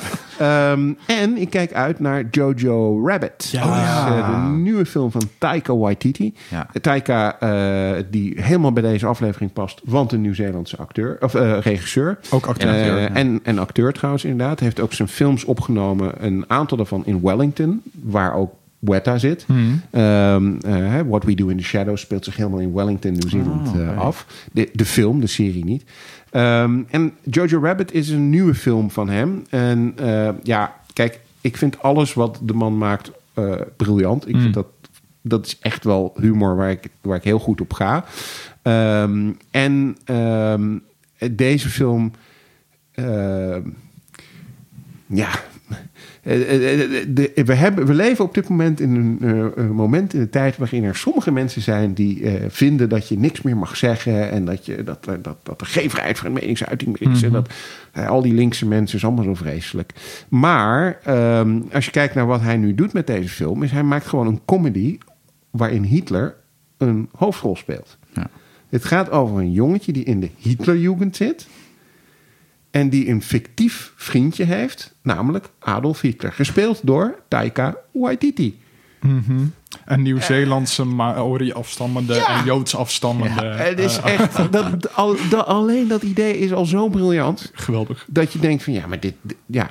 En dan eh, uiteraard eh, zit er een verhaal eh, in. Oh. Die heeft, het heeft iets te maken met, eh, met dat, dat dat jongetje natuurlijk... eh, ja, langzaamaan tot de ontdekking komt dat dat met dat fascisme toch niet helemaal oké eh, is. Ehm, en, en er zit heel veel humor in, want dat is wat Taika eh Waititi doet. Dus ik ben er bijzonder benieuwd naar. En ik kan hem vrij snel al gaan zien, want hij draait in Leiden op het Internationaal Filmfestival. Ehm, dus daar gaan we naartoe en we gaan eens kijken wat, wat, wat, hij, wat gemaakt heeft. Ja. Ik ben er ook echt zo benieuwd naar. Ik zit Ja. er echt wel heel erg lang naar uit te kijken. En in Amerika is hij nu al uit. Ja. Eh, en ik zie ook op Twitter dan van, van film Twitter dat ik een beetje volg. Dat mensen allemaal zitten van... Ik heb nog nooit zoveel gelachen en zoveel gehuild om één film. En ik zat alleen maar... Maar dit is een parodie over een jochie dat als denkbeeldig vriendje Hitler heeft. Wat? Ik Hij weet legt niet wat ik kan verwachten. Hij legt het in een eh, fragment wat ik gezien had eh, van de Daily Show. Daar legt hij het heel goed uit. Daar, eh, hoe hij die film bedoeld heeft. Ja, nou, dit, dit- het is, het ik- die man is gewoon, wat mij betreft, bijna de verpers- eh, verpersoonlijking van, van humor. Die man, Hmm. eh, alles wat hij doet, is gewoon grappig. En eh, hij zei op een gegeven moment ook, want jij zegt van ja, de film is in Amerika al uit. Er was op een gegeven moment een tweet gestuurd door iemand die zei van waarom, want hij komt in Europa pas in januari uit. Oh ja, oh, waar- in Echt Duitsland. Nee, nee, spe- specifiek in waarom komt hij in. Duitsland? laat? Er was een meisje die had een tweet gestuurd van waarom moeten we tot januari wachten in Duitsland voordat we die film kunnen zien. En toen zei hij van ja, dat is een straf voor je weet wel. Ja. Nee, ik, ik kijk daar ook echt dus heel erg naar uit. Ehm, ik kijk ook uit naar eh, vanavond of vannacht Hmm. komt er een trailer uit voor de, eh, of de laatste trailer voor de nieuwe Star Wars film. Yes. Eh, wat een tijd om in te leven dat we uitkijken Hmm. naar trailers. Ehm, maar daar kijk ik dus Al eigenlijk sinds de Phantom Menace, hè? Ja. Ehm, en ook Star Wars gerelateerd. De Mandalorian komt er Mhm. natuurlijk aan eh, op Disney Plus. Ehm, heel binnenkort, over twee weken al. Ja. Ehm, dus daar dat ben ik ook wel heel benieuwd naar. De eerste grote Star Wars serie buiten de films. De eerste Mhm. Star Wars TV die we gaan zien.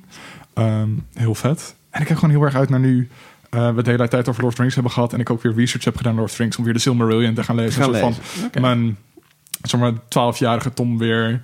Dat, dat geekie van... Oh ja, en dat was de hele genealogie van dit ene karakter. En dat zat ook alweer zo. En oh ja, dat was een, een bepaalde volk. En dat zat dan weer zo. Dat is al die soort van bizarre encyclopedische kennis die ik toen had... over Lord of the Rings. Die ik nu allemaal kwijt ben. Om daar dan weer helemaal in te gaan duiken. Nice. Daar kijk ik wel echt heel erg naar uit.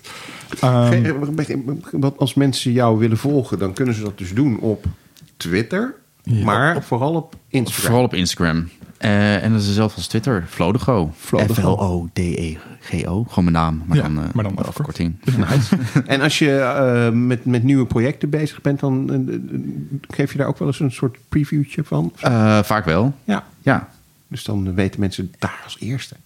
Ja, en eh, ik, ik ga probeer binnenkort op Patreon. Ja. Dat komt. Dan wordt meer een soort behind-the-scenes-achtig dingetjes eh, oh, leuk. op Leuk. plaatsen. Ja, ja ik, ik heb begrepen dat het met een zekere fotostripmaker op Patreon opeens heel goed ging. eh op, nee, Nee, voor de kunst. Ja, voor de kunst inderdaad. Ja, Ja, maar we hebben het niet over hem, hè? nee, nee, nee. Nou, Ik heb zijn naam al de hele aflevering vermeden. We hebben het over iets. Ehm, dit was alweer de 41ste aflevering van Geeky Dingen. Super leuk dat je luisterde. Eh, als je dat ook leuk vond, laat dan vooral een recensie op iTunes of Facebook achter. Of vertel het door aan een vriend. Dan kunnen mensen ons eh, beter vinden.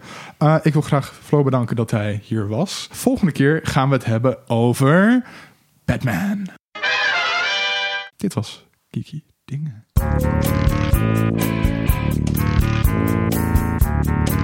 Música